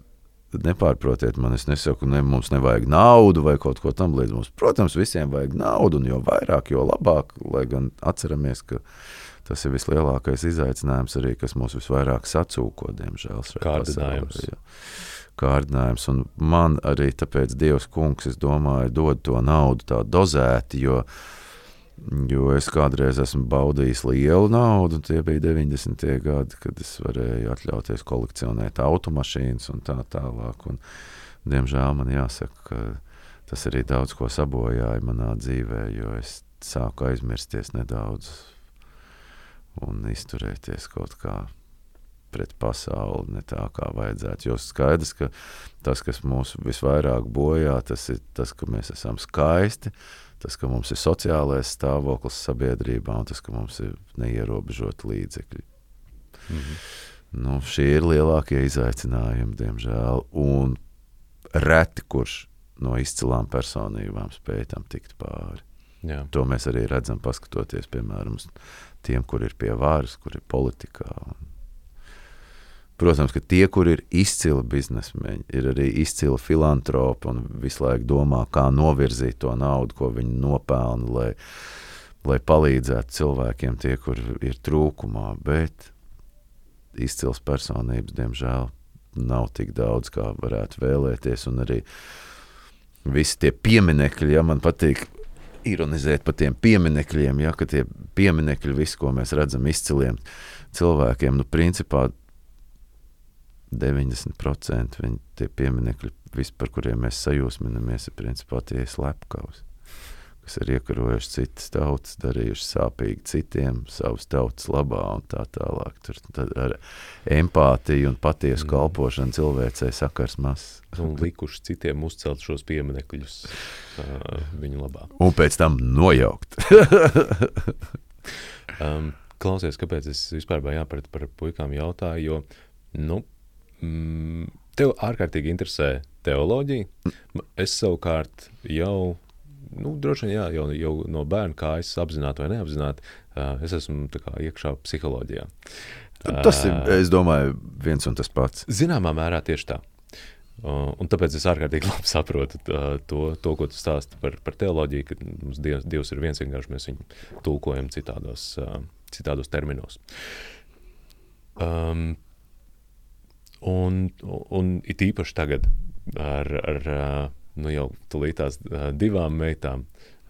Protams, tā interese par psiholoģiju un kā attīstās cilvēka prāts, kā viņš izaug, kāpēc mēs izaugam tādi, kādi mēs izaugam, kad mēs esam pieauguši. Nu, tajā nu, visos teiksim, pierādījumos un pētījumos, ja mēs tādus lasām un, un viņiem uzticamies, tad nu, viņi saka, ka tajā, kā mēs, kādu mīlestību mēs saņemam, bērnībā, tam ir milzu vērtība. Uh, un, nu, tagad ir interesanti jā, šie pētījumi, ka arī šī tēva iesaiste. Tas, kas, kas ir iesaistīts tēvs, tas, kurš ir visos šajos procesos uh, klātesošs, īpaši pirmajos trīs, septiņos gados, uh, kad uh, tēvam var uzticēt, uzticēt arī visus savus pārdzīvojumus, viņš ir atvērts un nesaka uh, vecos labos uh, mm, šos, šīs frāzes, ka puikas taču neraud. Nu, nē, nu, tu zini, puika arī ir tāds pats cilvēks ar tādām pašām emocijām un pārdzīvojumiem. Un, uh, un kāpēc es jautāju par, par taviem um, um, puikām, vīriem, um, vai, vai jūs spējat tā teikt, kārtīgi izrunāties, un vai viņi spēja atklāties par savām, saviem pārdzīvojumiem un, un, un šīm emocijām, jo nu, tā, tā ir īpaša īpaša saikne. Tas jau ir kaut kas vairāk. Nevis, uh, viņi, viņi zina, ka viņi tev var uzticēties. Viņi var visdrīzāk. Es jau, protams, nezinu, kādas mm -hmm. ir tās attiecības. Viņi, viņi visdrīzāk zina, ka pie tevis lielos mēslos var paglāpties. Tu viņus, uh, tu viņus aizstāvēsi jebkādā veidā. Kā jau lauva, kā jau tēvs uh, to, to visdrīzāk dara. Uh, Taču, redz, nu, skatoties jā, apkārt, cik lielas mums ir emocionālās, psiholoģiskās problēmas, uh, nu, ar, ar visiem šīm ierīcēm, kas mūs vēl jau vairāk bombardē ar uh, pārāk lielu informāciju, kas pār, pārsvarā ir nevajadzīga, uh, šīs problēmas mums tikai pastiprinās. Un ir baigi traki, ka nevar uzticēties, nevar uzticēt tādu informāciju vai nu, tād, tādas tās sajūtas ar principā sev tuvāko cilvēku. Uh, jo es ar savu tēvu par, par, par šādām nu, tādām jutekliskām tēmām mm -hmm. uh, esmu sācis pamazām, pamazām, nu, tikai tagad runāt. Saprotot to vērtību tajā visā. Un, un tās mūsu attiecības, nu, viņas, viņas sāka pāriet jau, jau pilnīgi citā līmenī. Mm -hmm. um, nu, jā, kas arī interesanti. Man, mm, es saviem vecākiem piedzimu 30 gados, un Un, un, un es, eh, nu jā, man vienmēr bija tā sajūta, ka man ir bijuši veci vecāki. Viņi netika līdzi.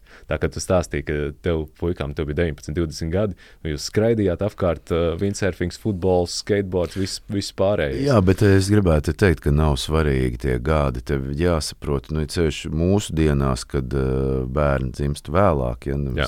tad nu, nav. Nu, manā laikā, 20 gadu vecumā, visiem bija bērni. Nu, Mm. Kāpēc ne? Tev ir jāsaprot, ka tev vienalga jātiek līdz tiem bērniem. Tev vienalga, tev vienalga. Man šobrīd ir 50. Mhm. Nu, es tāpat ar saviem augu bērniem uh, spēlēju bumbu un futbolu un peldos kopā. Un, nu, viss, nu, tev, tev nav tā, ka tu, neesi atbrīvots no fiskultūras. Mhm. Tev ir viss tieši tas pats jādara. Un uh, es domāju, ka te loma nespēlē vecums. Ar vecumu tur ir vismazākā saikne. Ja? It sevišķi mūsdienās saprotot to, ka daudzi 20 gadnieki, kurus es satieku milzīgā daudzumā, jo es nodarbojos, strādāju izklaides biznesā, šovu biznesā, tā mēs to varētu nosaukt.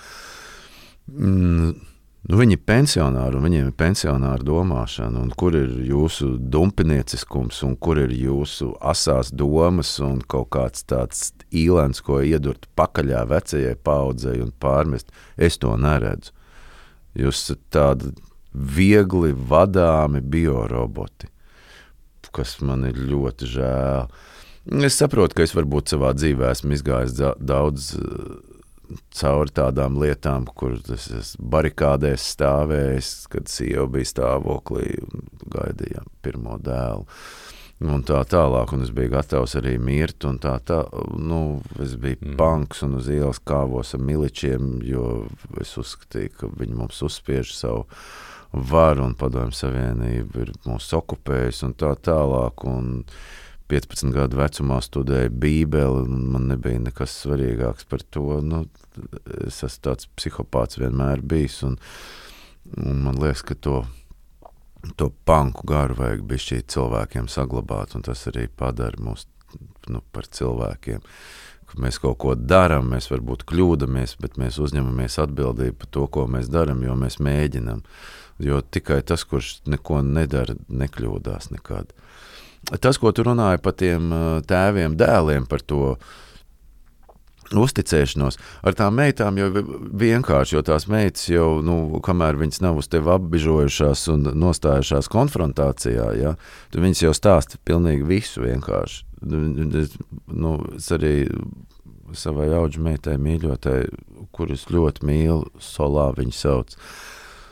Jūs viņai sakat, brīdā mīļā, vai tu varētu drusku paklusēt, lūdzu. Es jau braucu mašīnas, vairs nesaprotu vispār, kur es braucu. Viņa stāsta un stāsta, stāsta un stāsta, stāsta un stāsta.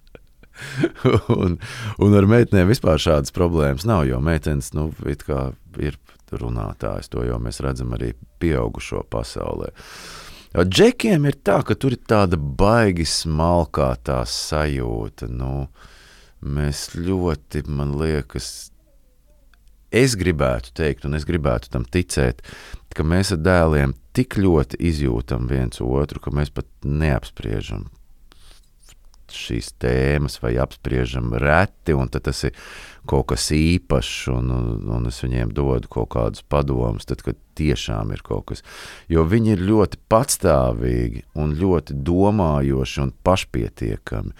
Un es domāju, ka man kā tēva uh, uzdevums bija viņus izaudzināt par šādiem vīriešiem, nevis tur ķuņķināties ar viņiem. Un tur, nu, pasaki man, nu, kas tev ir, nu, kāpēc tev tā? Man mamma arī vienmēr pārmet. Viņa man teica, tu jau bērnu dārzā vienmēr te paprasti, kā iet labi.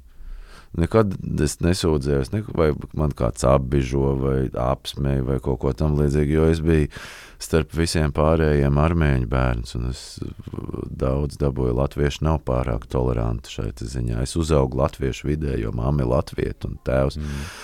armēns, un mēs dzīvojam ar māmu divatā. Un, um, es esmu dabūjis trūkties no latviešiem. Skaidrs, ka es kādreiz gribēju, lai man būtu gaiši mati un lai man būtu taisni mati, nevis čirkaini, lai es izstītos vairāk pēc latviešu. Un, un tā tālāk, bet uh, man toties ir prieks, ka es esmu šai valstī kalpojis un darījis daudz labu, un, un šo atgriezenisko saiti es joprojām saņemu no cilvēkiem, jo es varbūt pateicoties savai domāšanai un pasaules uztverēji, mans uzdevums ir nostāties apbižoto, aizvainoto un nesaprasto pusē, mm. nevis vairākuma pusē. Aizstāvju pusē.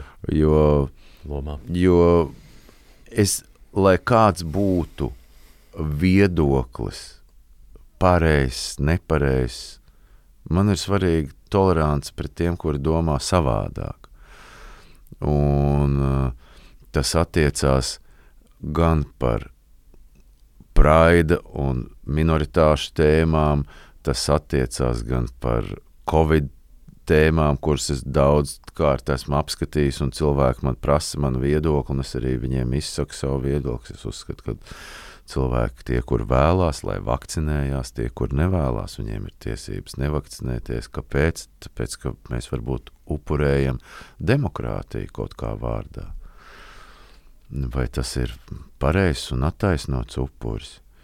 Nevajag mums arī stāstīt to, ka visi ļoti grib vakcinēties. Ja mēs paskatāmies skaitļus, cik cilvēki ir saņēmuši divas vakcīnas, tad mēs redzam, ka lielākā daļa negrib vakcinēties. Līdzīgi kā politiķiem, es mēdzu arī kaut ko asāku vārdu kādu pateikt, ja, jo jau uz vēlēšanām iet, piemēram, 50% Rīgā un lauku rajonos vispār 35% līdz 40% maksimālajā punktā. Mm. Tad es atvainojos, es viņiem droši saku, ka mums vispār nav uzticības jums. Mm. Nevis tas, ka mēs nevaram izvēlēties. Un kā man ir, protams, arī daudz draugu, kas ir politikā, un, un es viņiem to vienmēr lieku aiz auss. Es viņiem saku, bet, draugi, mīļie, lielākais elektorāts ir manējais kur nepiedalās vēlēšanās, to lieciet aiz auss. Šī ir interesanta doma. Jā. Ja nu ja atradīsies kāds, kas viņus spēs uzrunāt, un es vienmēr, es vienmēr viņiem saku, bet lūdzu, jums ir 70% neapgūti. Jūs tur varat necīnīties savā starpā, partija ar partiju. Mm -hmm. Jūs padomājat par tiem, kur uzskata, ka viss tas ir tikai joks un cirks, mm -hmm. un tā ir milzīga sabiedrības daļa. Nevajag mums skaidrs, ka, ja mēs skatāmies valsts televīziju vai radio, kur mēs redzam oficiālo viedokli, tad uh, mēs redzam vienu bildi. Bet, eh, ja mēs skatāmies Facebook vai sociālos tīklus, mēs redzam citu bildi. Un tad, ja mēs tās abas bildes, protams, atkal atrast to zelta vidusceļu un saprast, ka ir doma dažādība. Jo mums, es nezinu, varbūt tas ir tas padomju laiku, tā domāšana. Mums ir vai nu tā, vai nu tā. Vai nu mēs sakam idioti tie, kas nevakcinējās, vai nu mēs sakam idioti tie, kas vakcinējās. Nav kaut kāds iespējams, kaut kāds vēl variants, kāpēc mums vajag tā tik šaura. Nu, es mēdzu izmantot terminu šaura domāšana. Mm -hmm. Demokrātija ir divvirziena ceļš, nevis vienvirziena ceļš pēc mm -hmm. savas būtības. Tā kā ja kāds saka, visi, bet visi taču es gribētu oponēt, nē, ne visi. Uzreiz, kā tu dzirdi vārdu, visi. Tad, a, a, a, ne visi, ne, ne, ne, ne visi, ne visi, un nevajag mums arī tur teikt, Eiropa vai mēs visi, jo mēs Eiropā, nu, un kas par to? Arī Latvija ir milzīgās mūsu planētas sastāvdaļa, un mēs esam ne tikai Eiropa, bet mēs esam arī paši mm. par sevi. Mm, klausies, jau jau mēs uh, maigi pieskārāmies uh, politikas tēmai un demokrātijai. um, it īpaši saistībā ar bērnu tēmu. Mm -hmm. Man ļoti interesētu mm, vēl nedaudz it tieši ar tevi parunāt, jo ar ko gan citu. Uh, par marihuānas dekriminalizāciju. Mm -hmm. uh, kā tev liekas, vai tu to piedzīvos Latvijā? Nu, zini, kā no vienas puses runājot, es kā cilvēks, kurš ir zinošs šajās lietās, jo es esmu arī tiesāts par to Jā. un sēdējis cietumā. Jā. Nu, iz, priekšlaicīgās tās priekšizmeklēšanas izolatorā gan divas diennakts, bet arī tad man bija labs laiks pārdomāt savu pārliecību un tā mm. tālāk un pārskatīt daudzas vērtības savā dzīvē. Um, nu, pirmām kārtām uh, teikšu tā, ka visas izcils personības, kuras no kurām mēs iedvesmojamies, ir sēdējuši cietumā. No tā baidīties nevajag, jo par savu pārliecību mums ir arī jācieš, jo teikt to, ko mēs domājam, tā ir liela greznība. Un mūsdienu pasaulē tas nav populāri. Visforšākais ir pievienoties kaut kam, ja, jo mēs pievienojamies kaut kam. Riteņbraucējiem vai vienalga, kas kāpēc, piemēram, valdībai tik ļoti vajadzīgi riteņbraucēji, tāpēc, ka tas ir milzīgs elektorāts. Ne jau kādam ļoti sāp sirds par riteņbraucējiem. Nu, diemžēl atvainojiet, ka es jums to, to saku. Bet, um, uh, jā, tā tad uh, marihuānas dekriminalizācija. Es uzsveru šo vārdu, nevis legalizācija, bet dekriminalizācija. Uh, nu, pirmais aspekts ir tāds, ka, ja nu mēs skatāmies uz Eiropu, uz kuru mums ļoti patīk skatīties, un mums ir jaunā Eiropa, kura būs vakcinēta un arī teņbraucēji celiņiem, un ar dažādām ģimenēm, arī vienzimumu un tā tālāk. Un, un, viss, un ja mēs skatāmies šai virzienā, tad tur tas viss jau ir sen izdarīts. Ja, ja mums tik ļoti patīk prāts un riteņbraucēji celiņi, tad kāpēc mums tik ļoti nepatīk uh, marihuāna? Jo, jo marihuānas stāvoklis šobrīd ir tieši tāds pats tā kā padomju laikā. Un, ja mēs paskatāmies, piemēram, ja tā, nu, tad mēs varam vienkārši salīdzināt tos lobbyus. Ja mēs paskatāmies, ka mēs no gejiem, kurus padomju laikā lika cietumā un krimināli sodīja, esam nonākuši līdz tādiem foršiem svētkiem un pasākumiem un, un, un gājieniem un tā tālāk. Ja? Tad, ja mēs runājam par marihuānu, tad mēs neesam izkustējušies ne pa centimetru. Ja? Tā tad nu, tas lobbyis acīm redzot nav tik spēcīgs, kā gribētos. Kas attiecās uz bērniem? Es neuzskatu, ka marihuāna vai jebkuras citas vieglas vai smagas narkotikas vielas vai psihotropās vielas. Pirmām kārtām jau alkohols būtu paredzēts bērniem. Ja, jo, diemžēl, svinībās, un es tagad nerunāju par armēņiem, kuriem tā ir tradīcija, jo viņi iedzerot vienmēr pasaka tostu un tā tālāk, tā joprojām tā ir vairāk filozofija dzīves. Bet mums, diemžēl, uz galda svētbildes vietā stāv šņabi pudeli, arī bērnu svētkos. Mums vajadzētu domāt ļoti pamatīgi šādā virzienā, jo nu, tā marihuāna pirmām kārtām, ja es arī daudzos raidījumos un diskusijās piedalos, gan TV24, gan vēl vis kaut kur par marihuānu, tur, kur tiek mm. diskutēts, tur labi, slikti, vajag, nevajag, un, un visādi tur ir varianti. Ja. Uh, Un tad man daudz tie, kas ir tie marihuānas piekritēji, tā viņus varētu nosaukt. Saka, nu ko tu tur nepasaki viņiem, viņi taču visi lohi neko nesaprot. Es viņiem saku, pak, draugi, es eju tur pirmkārt tāpēc, lai parādītu, ka mēs esam domājoši, kultūrāli cilvēki. Nevis lai kādam uzspiestu savu viedokli, negribiet nepiekrītiet manam viedoklim, pasargā Dievs. Es taču par to neuztraucos. Jūs man jautājat, es atbildu uz jautājumiem, kurus jūs man uzdodat. Tā kā es domāju, tas būtu pirmais, un jāsaprot, ka arī manā gadījumā šī marihuāna ir saistīta ļoti ar rastafāriešu mm -hmm. domāšanu, kas sasaucās atkal ar to, ka mēs visi esam brāļi un māsas un tā tālāk. Un rastafārieši, lai paskaidrotu cilvēkiem, varbūt tie, kuri nezina, Tas ir tāds primitīvi izsakoties savārstījums no Toras vecās derības un jaunās derības Jamaikā, kas iedzīvojies, jo tur arī nu, tur neiedziļināsimies tajās vēsturiskajās peripētijās, bet viņiem tas ir svētais sakraments. Tā kā katoļiem, piemēram, grēksūdzi, tā viņiem viņi uzskata, ka marihuānu smēķējot, viņi sasniedz to apskaidrības stāvokli, kas palīdz viņiem mm -hmm. kontaktēties ar visumu, ar dievu, ar absolūtu vienalga. Kā. Tā kā es šo te uztveru līdzīgi kā indiāņi pirms daudziem gadu tūkstošiem teica, saucot to par miera pīpi. Mm -hmm, jā. Kāpēc es šo jautājumu uzdodu? Jā. Jo noteikti, ka uh, nu, tev ar saviem bērniem mm -hmm. dzīvojot, uh, redzot un zinot, kas, kāda kultūra sev, tev seko līdzi, noteikti arī viņiem šis jautājums ir pacēlies. Hei, sencīt, uh, kad tad es varēšu uzpīpēt?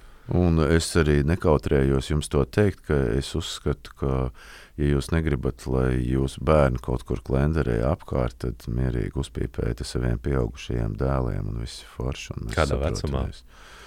Nu, jo vēlāk, jo labāk. Jo tev arī kaut kur es dzirdēju, jā, 22, 26. Kaut kas tāds bija, ka tu pirmo, lai, lai, pirmo lai, dzērienu lai būtu cilvēkiem skaidrs, jā, es uh, pamēģināju alkoholu un cigareti 26 gadu vecumā. Mm. Neskatoties uz to, ka no 15 gadu vecuma es biju DJs, no 18 gadu vecuma uh, modelis, no 19 gadu vecuma uh, mūziķis, un tas man viss netraucēja. Es biju pašā epicentrā, tur, kur bija visvairāk narkotikas un alkohols un bohēma un viss pārējais. Bet tā kā es ceru, ka es piedaru tiem procentiem, kur ir varbūt nevis gudri, kā Pēters Kļāvs saka, un domājoši, bet varbūt vismaz protestē pret vairākumu viedokli tā, ka Jo man dzīvē, nu, varbūt iespējams tas, ka es kā maziņš tāds armēņu puika te uzaudzis, ja man jau nebija cita izvēle, kā atšķirties no apkārtējiem. Tas, tas jau manī ir ielikts no dieva vai vecākiem, vai traktējiet to, kā jūs vēlaties. Man vienmēr likās, ka pats briesmīgākais, kas var notikt ar cilvēku, ir tas, ka viņš kļūst tāds kā visi. Un tas, laikam, manī dzīvo arī vēl šobrīd, un tas varbūt palīdz un iedvesmo mani un, un, un dod man, sūta man no augšas tos vārdus, ko man teikt cilvēkiem koncertos uz skatuves vai sarunājoties intervijās vai vēl kā tam līdzīgi. Nu, es domāju, mēģiniet pasargāt tos bērnus ar savu piemēru. Es vēlreiz teikšu, ar savu piemēru no alkohola visvairāk, jo tas nu, ir neatgriezeniski, sevišķi, diemžēl, meitenēm. Ja, jo vīriešu alkoholismu, jo, jo nu, vīriešu domāšana arī ir krietni primitīvāka nekā sieviešu. Ja tev divas meitas tūlīt būs, tad tu redzēsi, ka tev būs dēls, tad tu redzēsi, ka dēlam būs traktors, Drrr, tur rūts kaut kas meitai. tam, tam līdzīgs. Es, es Meitai, meitai grib, grib, grib es tev pateikšu, Nu. meita jau no trīs gadu vecuma zina, ka viņai būs bērni, ka viņai būs ģimene, cik bērni viņai būs, kur viņi dzīvos, kāda būs, ko vīrs darīs, kādu vīru es gribu. Ir no Džekam, papras, protams, Džekam paprast desmit gadu vecu. Nu, varbūt eh, pat ja mēs atmetam malā to par to ģimeni, ka viņa zinās visu, nu viņai ir, meitenei ir savs spriedums, savs redzējums, sava pasaule. Nu, vīriešu pasaule ir krietni vienkāršāka. Tas varbūt tāpēc mēs kļūstam par filozofiem un domātājiem un mesijām un, un vēl nesko un praviešiem, jo, jo mēs to Līdzīgi jau kā arī tā tēma, ko mēs ar tevi apspriedām, tā marihuānas pīpēšana. Kas ir vispār, lai cilvēki saprotu, ko nozīmē marihuāna? Marihuāna ir divu dzimumu augs - sieviešu un vīriešu. Vīrieši ir derīgi no tā, lai varētu uztaisīt virves, troses, apģērbu un tā tālāk. Ja kuģu virves, tauvas, visizturīgākās no kā? No marihuānas. Sieviešu tos pumpuriņus, ko mēs noņemam, mēs izmantojam smēķēšanai, lai dabūtu to sievišķo enerģiju, to, to apskaidrību, to tēlaino domāšanu, to dziļo domāšanu, to filozofisko domāšanu, kas sievietēm ir no dabas. Un, nu, tad, respektīvi, visa sievišķā enerģija, visa kaislība un, un ezotērika un viss iespējamais, kas ir sakrājās šajā augā, to džeki ņem uzpīpē un, un kļūst par praviešiem, kā Bobs Mārlīs, kurš izmainīja ļoti daudz lietas pasaulē, vai Džons Lenons, vai vienalga. Mm. kas. Tie ir izcili domātāji un, un es teiktu, pravieši, guru katrā Jā. gadījumā. Uh, šim pašam pravietim Bobam Mārlijam bija, ja nešaubos, 11 bērni. Vai tu arī ej uz to? Es neeju uz to, un es negribētu. Es vēlreiz teikšu, ja, ka es uh, pasargu Dievs nebūtu tādam kā citi, jo es gribētu. Mans ceļš ir cits, Boba Mārlīja ceļš ir. Viņš nogāja Mm. godam savu ceļu. Bobam Mārlījam, ja mēs ieskatāmies vēstures ailēs, ir 56 bērni, no kuriem 11 ir visā pasaulē slaveni regēja mākslinieki. À, tad pa 11 tikai 11 ir visā, pa, slavenajiem. 11 ir superzvaigznes regēja pasaulē. Uh, jā, nu, tas bija viņa ceļš, un tas bija tas, tas, bija tas Izraēlitīs tā ideja, ja, jo nu, līdzīgi kā Izraels tautai, ja tautai ir jāiet plašumā. Un to es gribētu teikt, ka tas būtu arī forši, ja latvieši to varētu kaut kādā veidā iemantot.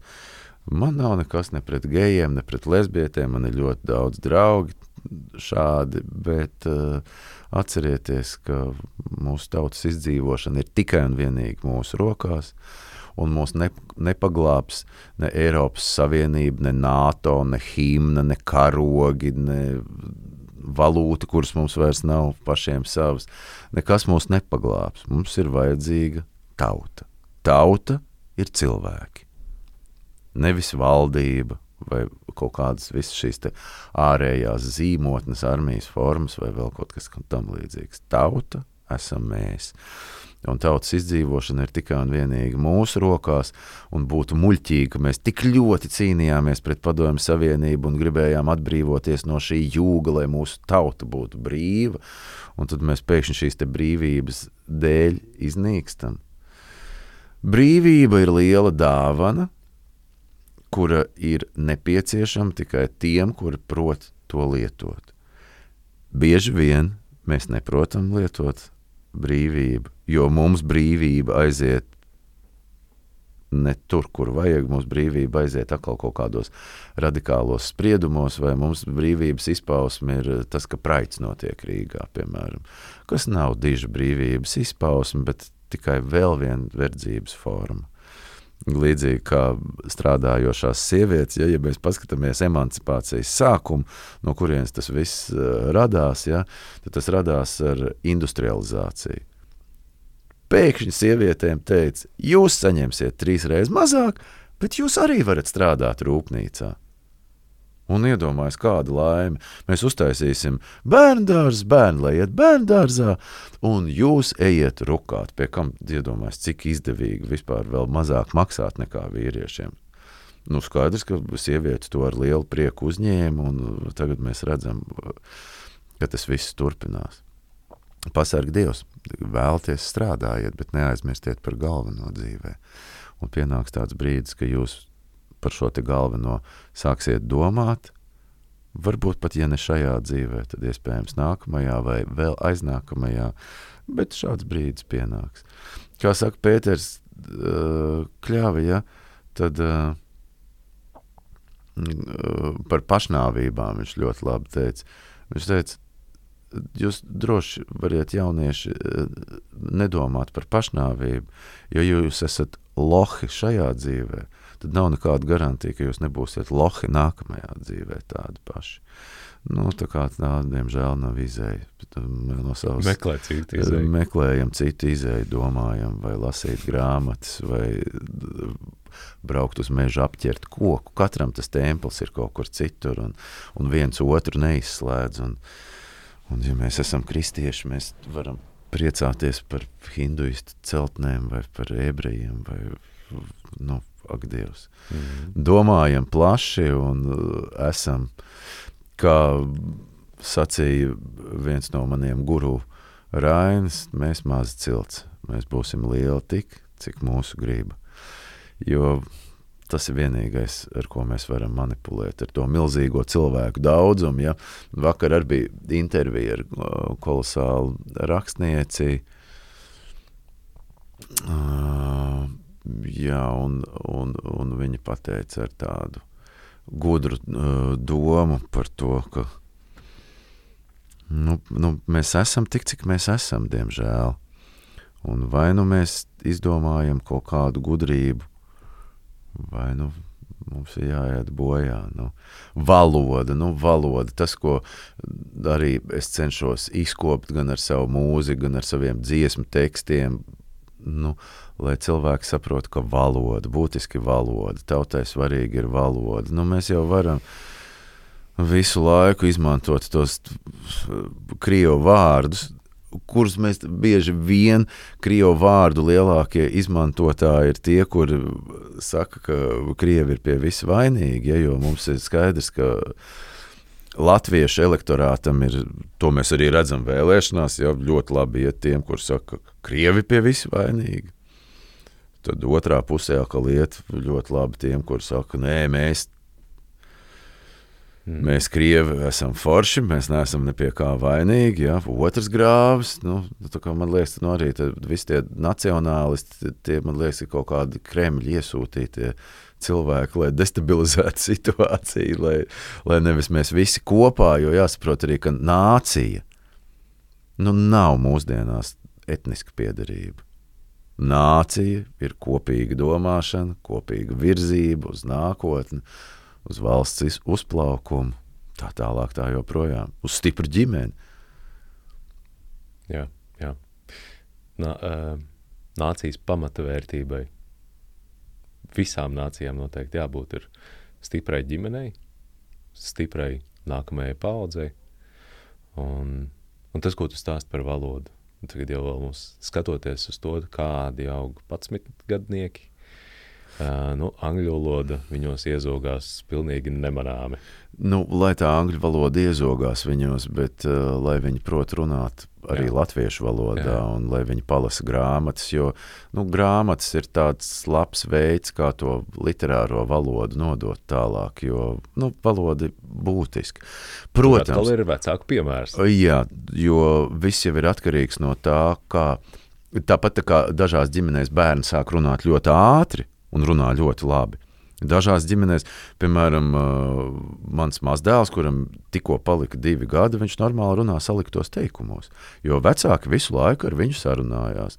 Un nevis tur jū, jū, jū, jū, jū, jū, pļu, pļu, pļu, bet vajag runāt ar bērnu. Sarunāties, nevajag baidīties.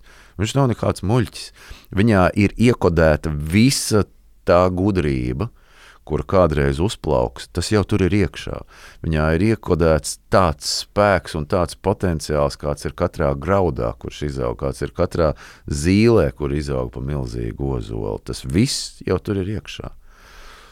Un nevajag viņus pataisīt par kaut kādiem muļķīšiem un nevarīgiem un tur sūsju, sūsju. Tas, lai paliek omām un opiem, un viņi jau to izdarīs. Tāpat iedos končus, tad, kad nevar, un tikai nesaka mammai. Mm -hmm. Vai kaut kas tam līdzīgs notiks. Tur tā kā nu, rādam piemēru un viss. Un, nu, jā, nu, nu, tautai ir jābūt, lai tauta zeļ un plaukst un, un ejam uz priekšu. Un, Un, jo, jo, jo runājot arī par šo minoritāšu tēmu, jo mēs reiz pieskārāmies tam, jā, nu, uh, man šķiet, ka visi kolosāli tik tālu, kamēr tur netiek iesaistīti bērni.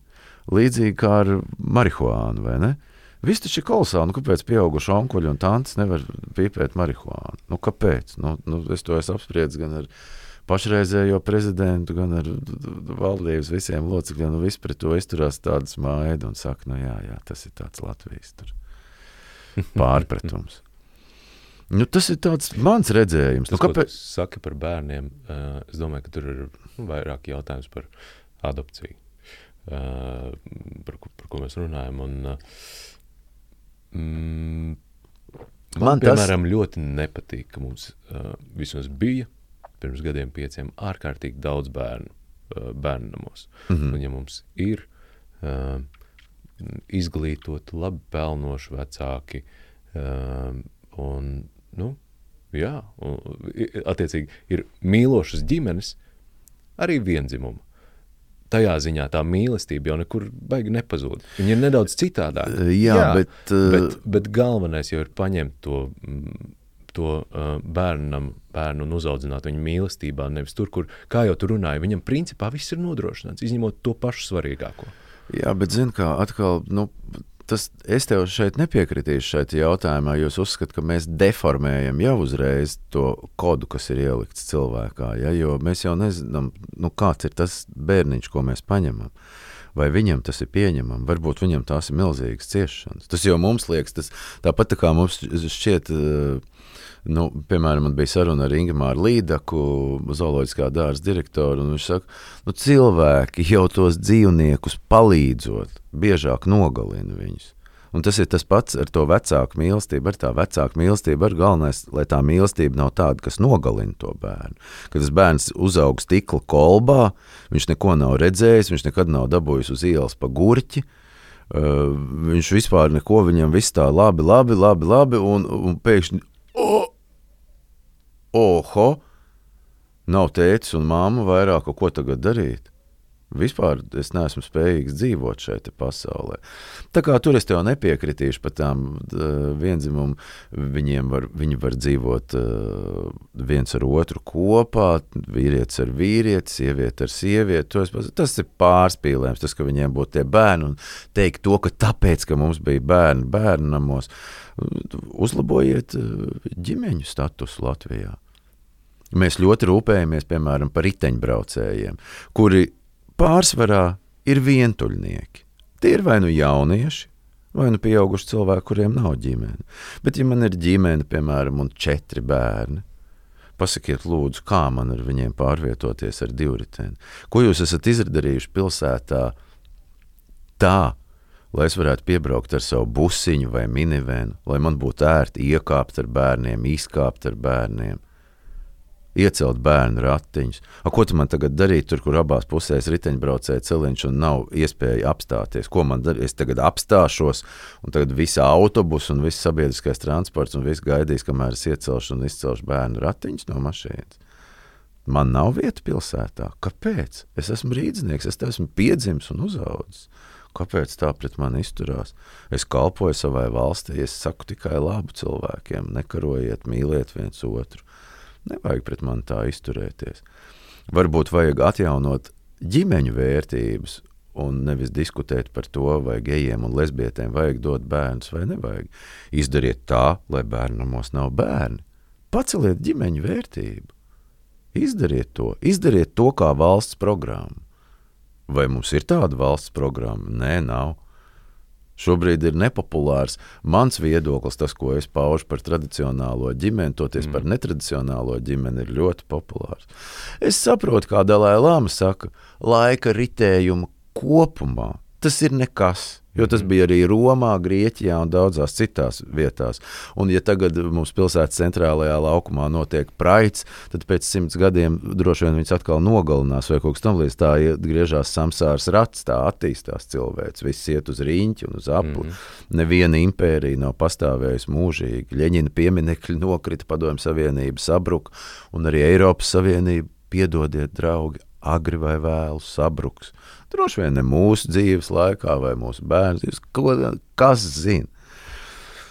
Tā kā, ja mēs paskatāmies caur laika prizmu, distancējoties, to, ko es teicu jau pašā sarunas sākumā, tad, protams, nav nekāda problēma. Kā Dalai Lama saka, man ir sāpīgi, ka es nekad nevarēšu atgriezties savā, ģim, savā dzimtenē, Tibetā. Mhm. Bet paskatoties uz gadu tūkstošiem, ko dzīvo cilvēks, šie 50 okupācijas gadi, kas ir smagi un ciešana pilni manai dzimtenei, ir nekas pret laika ritējumu. Vienkārši dzirksteli laika okeānā. Tā kā varbūt uh, tad, kad mēs baigi iestājamies par kaut ko par vai pret, mēs varbūt varētu atcerēties arī to, ka mēs esam dzirksteli laika okeānā, un mums vajadzētu domāt bišķi globāli. Nevis tas, ka mēs gribam, mums vajag, mums ir demokrātija, jā, mēs to varam. Nu, kā es mēdzu teikt, tad runāt patiesību, tas nenozīmē gvelst visu, kas ienāk prātā. Zināt vietu, laiku, kur Un kāpēc? Es neesmu ne pret gejiem, ne pret lesbietēm. Man ir ļoti daudz šādu draugu. Bet kāpēc tam jānotiek pilsētas centrālajā parkā? Roka festivāls, kuros es piedalos ar savu grupu, taču nenotiek pilsētas centrālajā laukumā.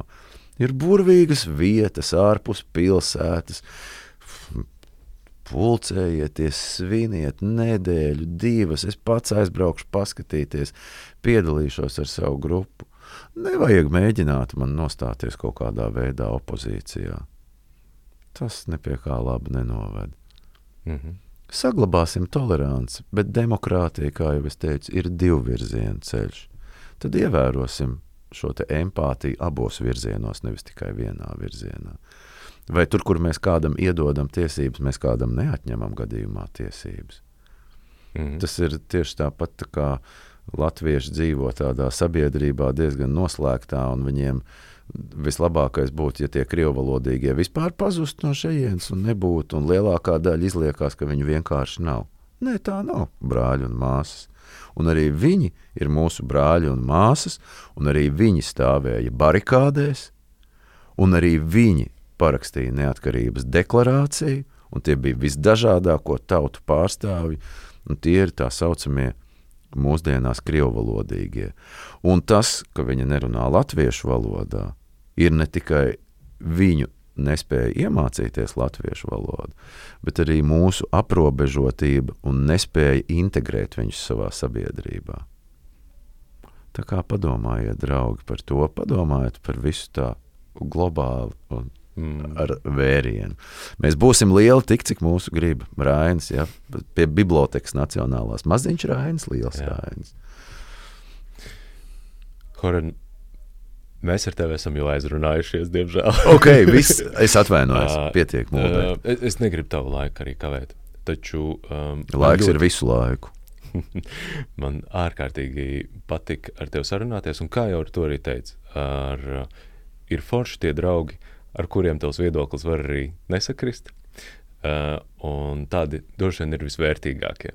Uh, tāpēc man tiešām bija ļoti, ļoti patīkami gan ar, te, uh, gan ar tevi mm, vienās domās būt, gan nedaudz arī atšķirties. Uh, pirms mēs nobeidzam, pastāst cilvēkiem, kur viņi var tevi atrast, kur viņi var tevi redzēt. Uh, paldies, draugs. Es nebūšu kautrīgs un pareklamēšu sevi. Tātad uh, Facebook un YouTube sadaļa rullē ar Horēnu. Mums ir burvīgas intervijas ar, uh, es uzskatu, izcilām personībām, kuras mēs mēģinām uh, parādīt tādā gaismā, kādā tās vēl nav redzētas un kaut kādā nepierastā gaismā. Nu, piemēram, minēšu uh, Visi mēs zinām gan no sociālajiem tīkliem, gan no politiskās dzīves, piemēram, Aldi Gobzem, kuram ir diezgan radikāli un tādi uzskati. Uh, viņa, man ir prieks, ka intervijas pirmo pusstundu mēs apskatām kristietību, piemēram, ar viņu. Un nevis kaut kādus viņa uzskatus vai tur ko viņš domā par politisko situāciju vai kaut ko tamlīdzīgu. Protams, tas arī tur ir. Tā kā mēs mācāmies uzlūkot pasauli ar mīlestību, un uh, to pašu jau arī pasaules sniegs mums pretī. Es domāju, ka šajās intervijās vērtīgākais ir tas, ka bieži vien tie cilvēki, kur ir es teikšu, naidnieki un nesarunājās viens ar otru. Man mīļš draugs ir gan viens, gan otrs, un neviens man neatsaka sarunu. Un, protams, Rīga regēji, zvaniet, rakstiet uh, Facebook vietnē vai Instagram, un mēs esam atvērti. Es saprotu, ka tagad lieli tādi globāli koncerti un festivāli nevar notikt, bet mēs brāļi un māsas, ilgojamies pēc jums, jo jūs esat spēks un iedvesma. Un, un tā mīlestība un labestība, kas nāk no jums, ir vajadzīga mums tikpat daudz kā jums, mūsu mūzika, un aiciniet mūs uz nelieliem privātiem pasākumiem, un, un tiksimies, un mēs nekur nepazūdam, un, un, un esam kopā. Mm. Un virzamies uz priekšu un domājam, ko mēs no visas šīs trakās situācijas pasaulē šī brīža varam izlobīt un saprast. Un, un, mēs jau ar tevi pieskārāmies tajā tēmā, un es atļaušos pateikt to, ka, protams, mēs ļoti gribam lolot un pasargāt tos bērnus. Tas sasaucās ar tēmu, ko tu teici, tās viendzimumu ģimenes, ja? bet visas izcils personības, ieskaitot Raimondu Paulu un ko vēl mēs te varētu minēt, ir saskārušies ar pamatīgām grūtībām dzīvē, un tas viņus ir padarījis lielus un stiprus. Bez tā nevar. Ja mēs nekritīsim un nesasitīsimies, mēs nepacelsimies kā fēniks no pelniem, kas paceļās. Diemžēl tas ir vienīgais ceļš dzīvē, nekāda cita ceļa nav. Tas, kurš nepazīst bēdas, nepazīst prieku. Paldies! Tev. Uh, es atceros, es uz taviem koncertiem daudz esmu gājis uz Rīgas. Paldies, draugs! Un, uh, gan uz tādiem, kur uh, tevi un spējas uh, DJs eit, mēs esam klausījušies uh, auditorijā divi cilvēki, gan arī vis, vismīļākās atmiņas man ir no uh, kārtīgiem lieliem koncertiem Labadabas festivālā. Tā ir īpaša atmosfēra, un uh, savas meitas es noteikti arī vedīšu klausīties. Paldies, draugs! Es ceru, ka viņas dabūs kripatiņu no tās mīlestības, kur mēs mēģinam dāvāt pasaulē, izmantojot regēju. Pirms diviem gadiem es pat labi dabā mēs bijām ar visu ģimeni, viengadīgā mm -hmm. meitiņa. Un, un jā, man liekas, ka tur, tur viņi arī dabūja. Gan, gan lielās Pir... hauses bija virsū, bet dabūja dzirdēt. Pirmo injekciju. Jā. Jo regējs ir, man liekas, jauks ar to, ka pat tiem, kuriem regējs riebjās, ja tas skan, netraucē.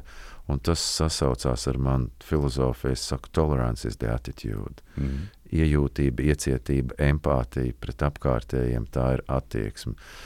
Bobs Mārlis saka, excuse me, while I light my spliff.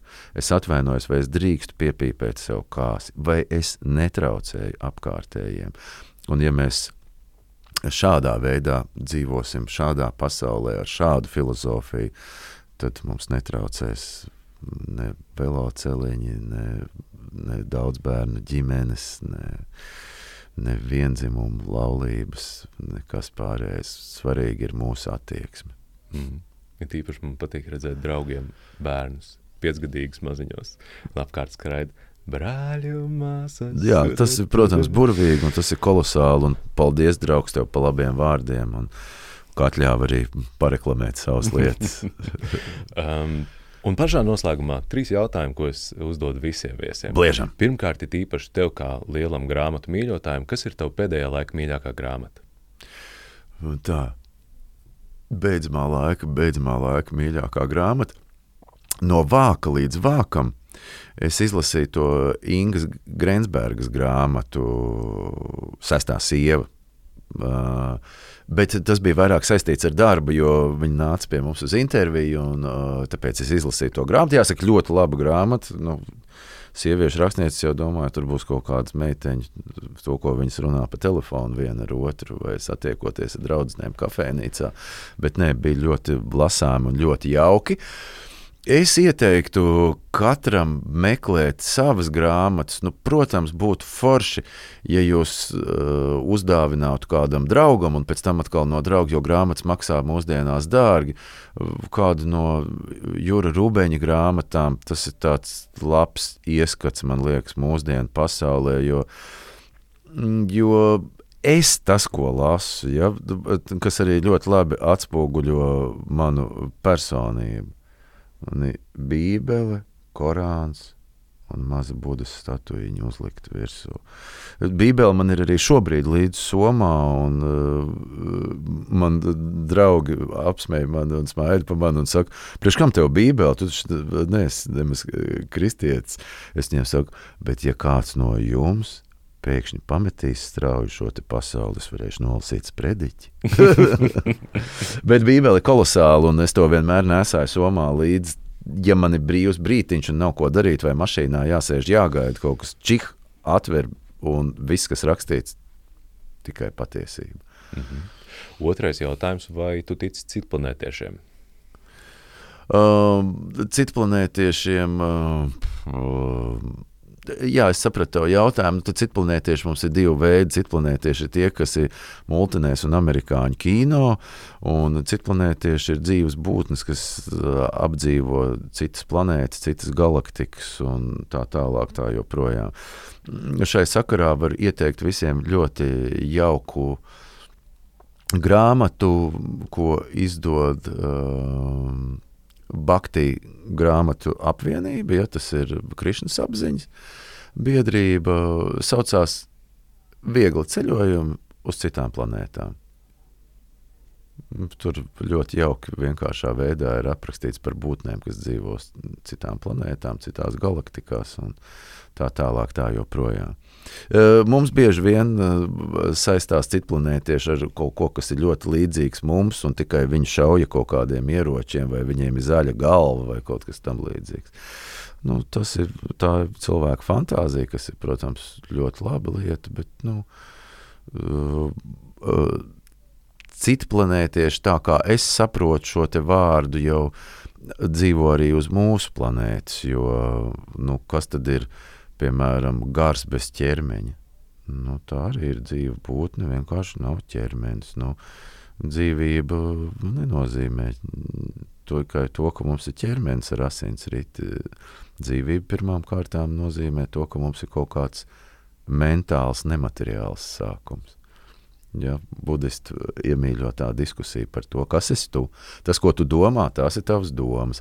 Tas, ko tu jūti, tās ir tavas sajūtas. Šis ir tavs ķermenis, roka, kāja, vienalga, bet kur esi tu?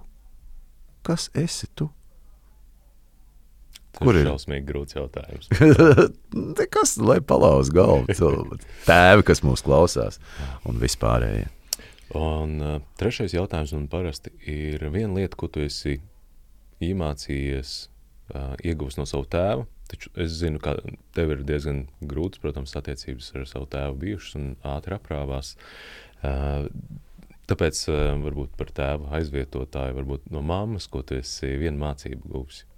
Nu, man pirmām kārtām bija ļoti fantastisks tēva aizvietotājs, kurš pavisam nesen devās uh, jau citā pasaulē. Tagad viņš ir un es ar viņu gan katru dienu kontaktējos un konsultējos. Un, uh, bet tas ir māmas brālis, mans onkulis, kurš man bija tēva vietā, ar kuru mēs, kamēr māma nebija mājās, spēlējām hokeju ar nojām pa istabu. Un, un vēl daudz visādas palaidnības darījām. Viņš ir fantastisks. Mums tur arī tāda ļoti interesanta tā saslēdzās tā, tā, tā, tā Jo, kā jau es teicu, es pazaudēju savu labāko draugu pavisam agrā teenageru vecumā, un tas bija kā reiz mana onkuļa māmas brāļa dēls, kurš nomira. Viņam bija 16 gadi, man bija 15 gadi, kad viņš aizgāja, tikko palikuši. Un tad tas vēl papildus mūs kaut kā satuvināja, un, un ja māma ir tā, kura ir tāda ļoti ieturēta un akadēmiska, jo viņa ir zinātniece un māma hidrobiologs. Un, un tā tālāk, un tad uh, viņa vienmēr tur man saka, intervijās, nu, kāpēc tu tik šausmīgi tur tā lūdzu, vai tu, tu nevari tā kā visi, pasties, kā viņi visi smuki tur runā un piekrīt viens otram, kāpēc tev vienmēr vajag ar to savu viedokli. Un, uh, Tad māmas brālis atkal bija tas, kurš man teica, tu esi malacis, tu vienmēr viņus riktīgi, tu viņus pavelc uz zoba. Nu, viņš vienmēr bija tāds mans liels aizstāvis. Tad, kad māma man ir, māma man ir vismīļākais cilvēks uz planētas, un es mammai, protams, esmu visvairāk pateicīgs no visiem cilvēkiem, kas man ir apkārt. Uh, Māma man izaudzināja, māmu es ļoti mīlu. Braucu ciemos, nu, tad, kad māma tagad dzīvo vasarnīcā pa vasaru, un tad es nevaru katru dienu viņu apciemot, bet tad, kad ziemā māma dzīvo Rīgā dzīvoklī, tad gan es katru dienu eju pie māmas. Un, jā, un es visiem iesaku, ka ceļš mūs klausās kungi, laikam lielākoties, ja cik es saprotu. Jā nu, esiet mīļi pret māmām, pret sievām, neaizmirstiet iedot naudu, neaizmirstiet nopirkt ziedus. Neaizmirstiet uzmundrināt, pateikt, cik viņas ir skaistas, cik burvīgas, cik labi gatavo. Nu, esiet džentlmeņi un, un visas cīņas par vienzimumu laulībām un tā tālāk atkritīs kā nebijušas.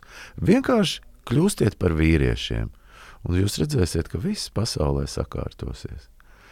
Jo, kā teica Jēzus, ja tu pamosties vienu dienu un redzi visu to ārprātīgo netaisnību pasaulē, kas ap mums ir, un gribi to mainīt, sāc ar sevi. Nu, tas arī sasaucās ar bērnu tēmu, protams.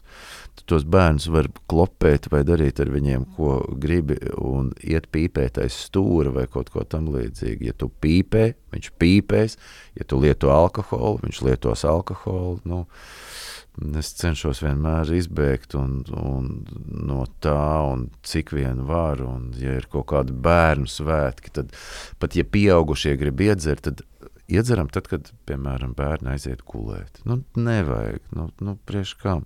Viņi sabojāties šai pasaulē, viņi paspēs, par to nevajag uztraukties, bet kaut ko labu iedot. Nu, Es, piemēram, esmu iemācījies neiet pāri pie sarkanās gaismas pa ielu, jo es zinu, ka Ja jaun, skatās. jauniešiem es esmu svarīgs, un viņi uz mani skatās. Nu, Mm. Viņi man disciplinē. Nu, es neeju pa ielu un nepīpēju. Es nolienu maliņā. Tā, tas attiecās tikai un vienīgi uz mani. Kā es vienmēr saku, tad narkotikas, reliģija un seksuālā orientācija tā ir katra indivīda izvēle, un tā ir viņa pasaule, kurā mēs iekšā nelienam. Sāc ar sevi. Zelta vārdi. Tieši tā. Un, uh, un pašā beigās tev ir iespēja uzdot vienu jautājumu arī man. Pašā beigās man ir iespēja uzdot vienu jautājumu. Tev, mm, zini, kā es gribētu tev uzdot tādu jautājumu, cik, nu tā, ja, ja tev līdzekļi un situācija atļauj, cik lielu ģimeni tu gribētu, kā tu redzi tur tos savus bērnus, tur, tu jau skaties arī uz saviem vecākiem, un tu tomēr, nu, tu redzi, nu, nu, kā tā pasaule griežās. Mm. Kā tu, nu, ja, ja, ja tev būtu burvi nūjiņi, kā tu gribētu? Mm. Pēc interesanti, ja mm, mēs ar sievu esam domājuši jā, par, trījiem, Mm -hmm. un tad, nu, attiecīgi, tagad jau ir divas Jā. meitiņas, tūlīt tās būs. Un uh, tad to trešo nu, mēs esam runājuši, ka visdrīzāk adaptēsim.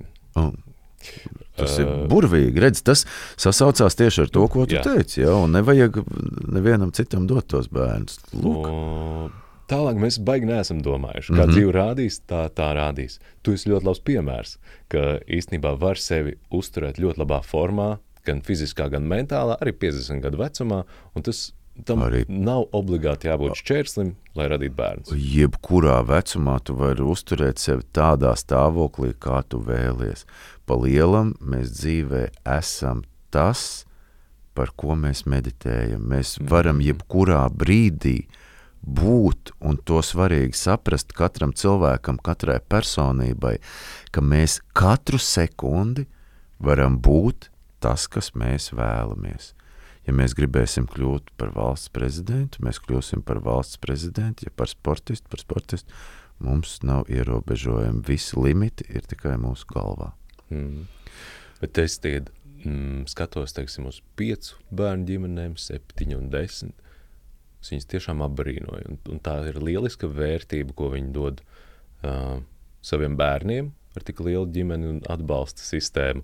Tā- Gan arī visai nācijai pasaulē. Tas, manuprāt. tas man liekas, ir fantastiski, un es gribētu, lai mūsu valsts domāšana un mūsu valsts virzība būtu orientēta uz šīm lielajām ģimenēm. Un, un pat padomu laikos, kurus mēs tik ļoti nīstam, varēja daudz bērnu ģimeni dabūt mikroautobusiņu Latviju, kas ir pirmais minivens. Jo es ļoti atvainojos, nu, minivens maksā tomēr divas reizes dārgāk nekā ļoti labs limuzīns.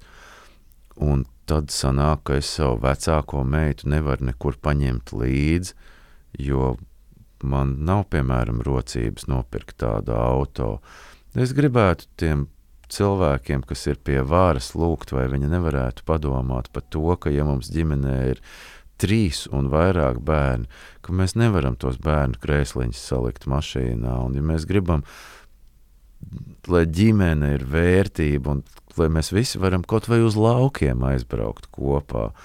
Riteņbraucēju celiņi tas ir kolosāli, un es pats esmu riteņbraucējs, un es neesmu pret to, bet vai arī mums, kam ir bērni un ģimenes, arī kādu drusciņu varētu veltīt uzmanības. Un tas jau ir mūsu pašu rokās, tāpēc paldies tev par to, ka tu veido šādas intervijas, un es domāju, tas ir soli pa solim, mēs ejam uz priekšu. Viss ir mūsu pašu rokās. Horen, milzīgs paldies tev par Paldies! Laiku. Paldies, draugs! Paldies, lai viss izdodas un lai ģimene tava un visas pārējās zaļ un plaukst. Paldies! Čau! Čau!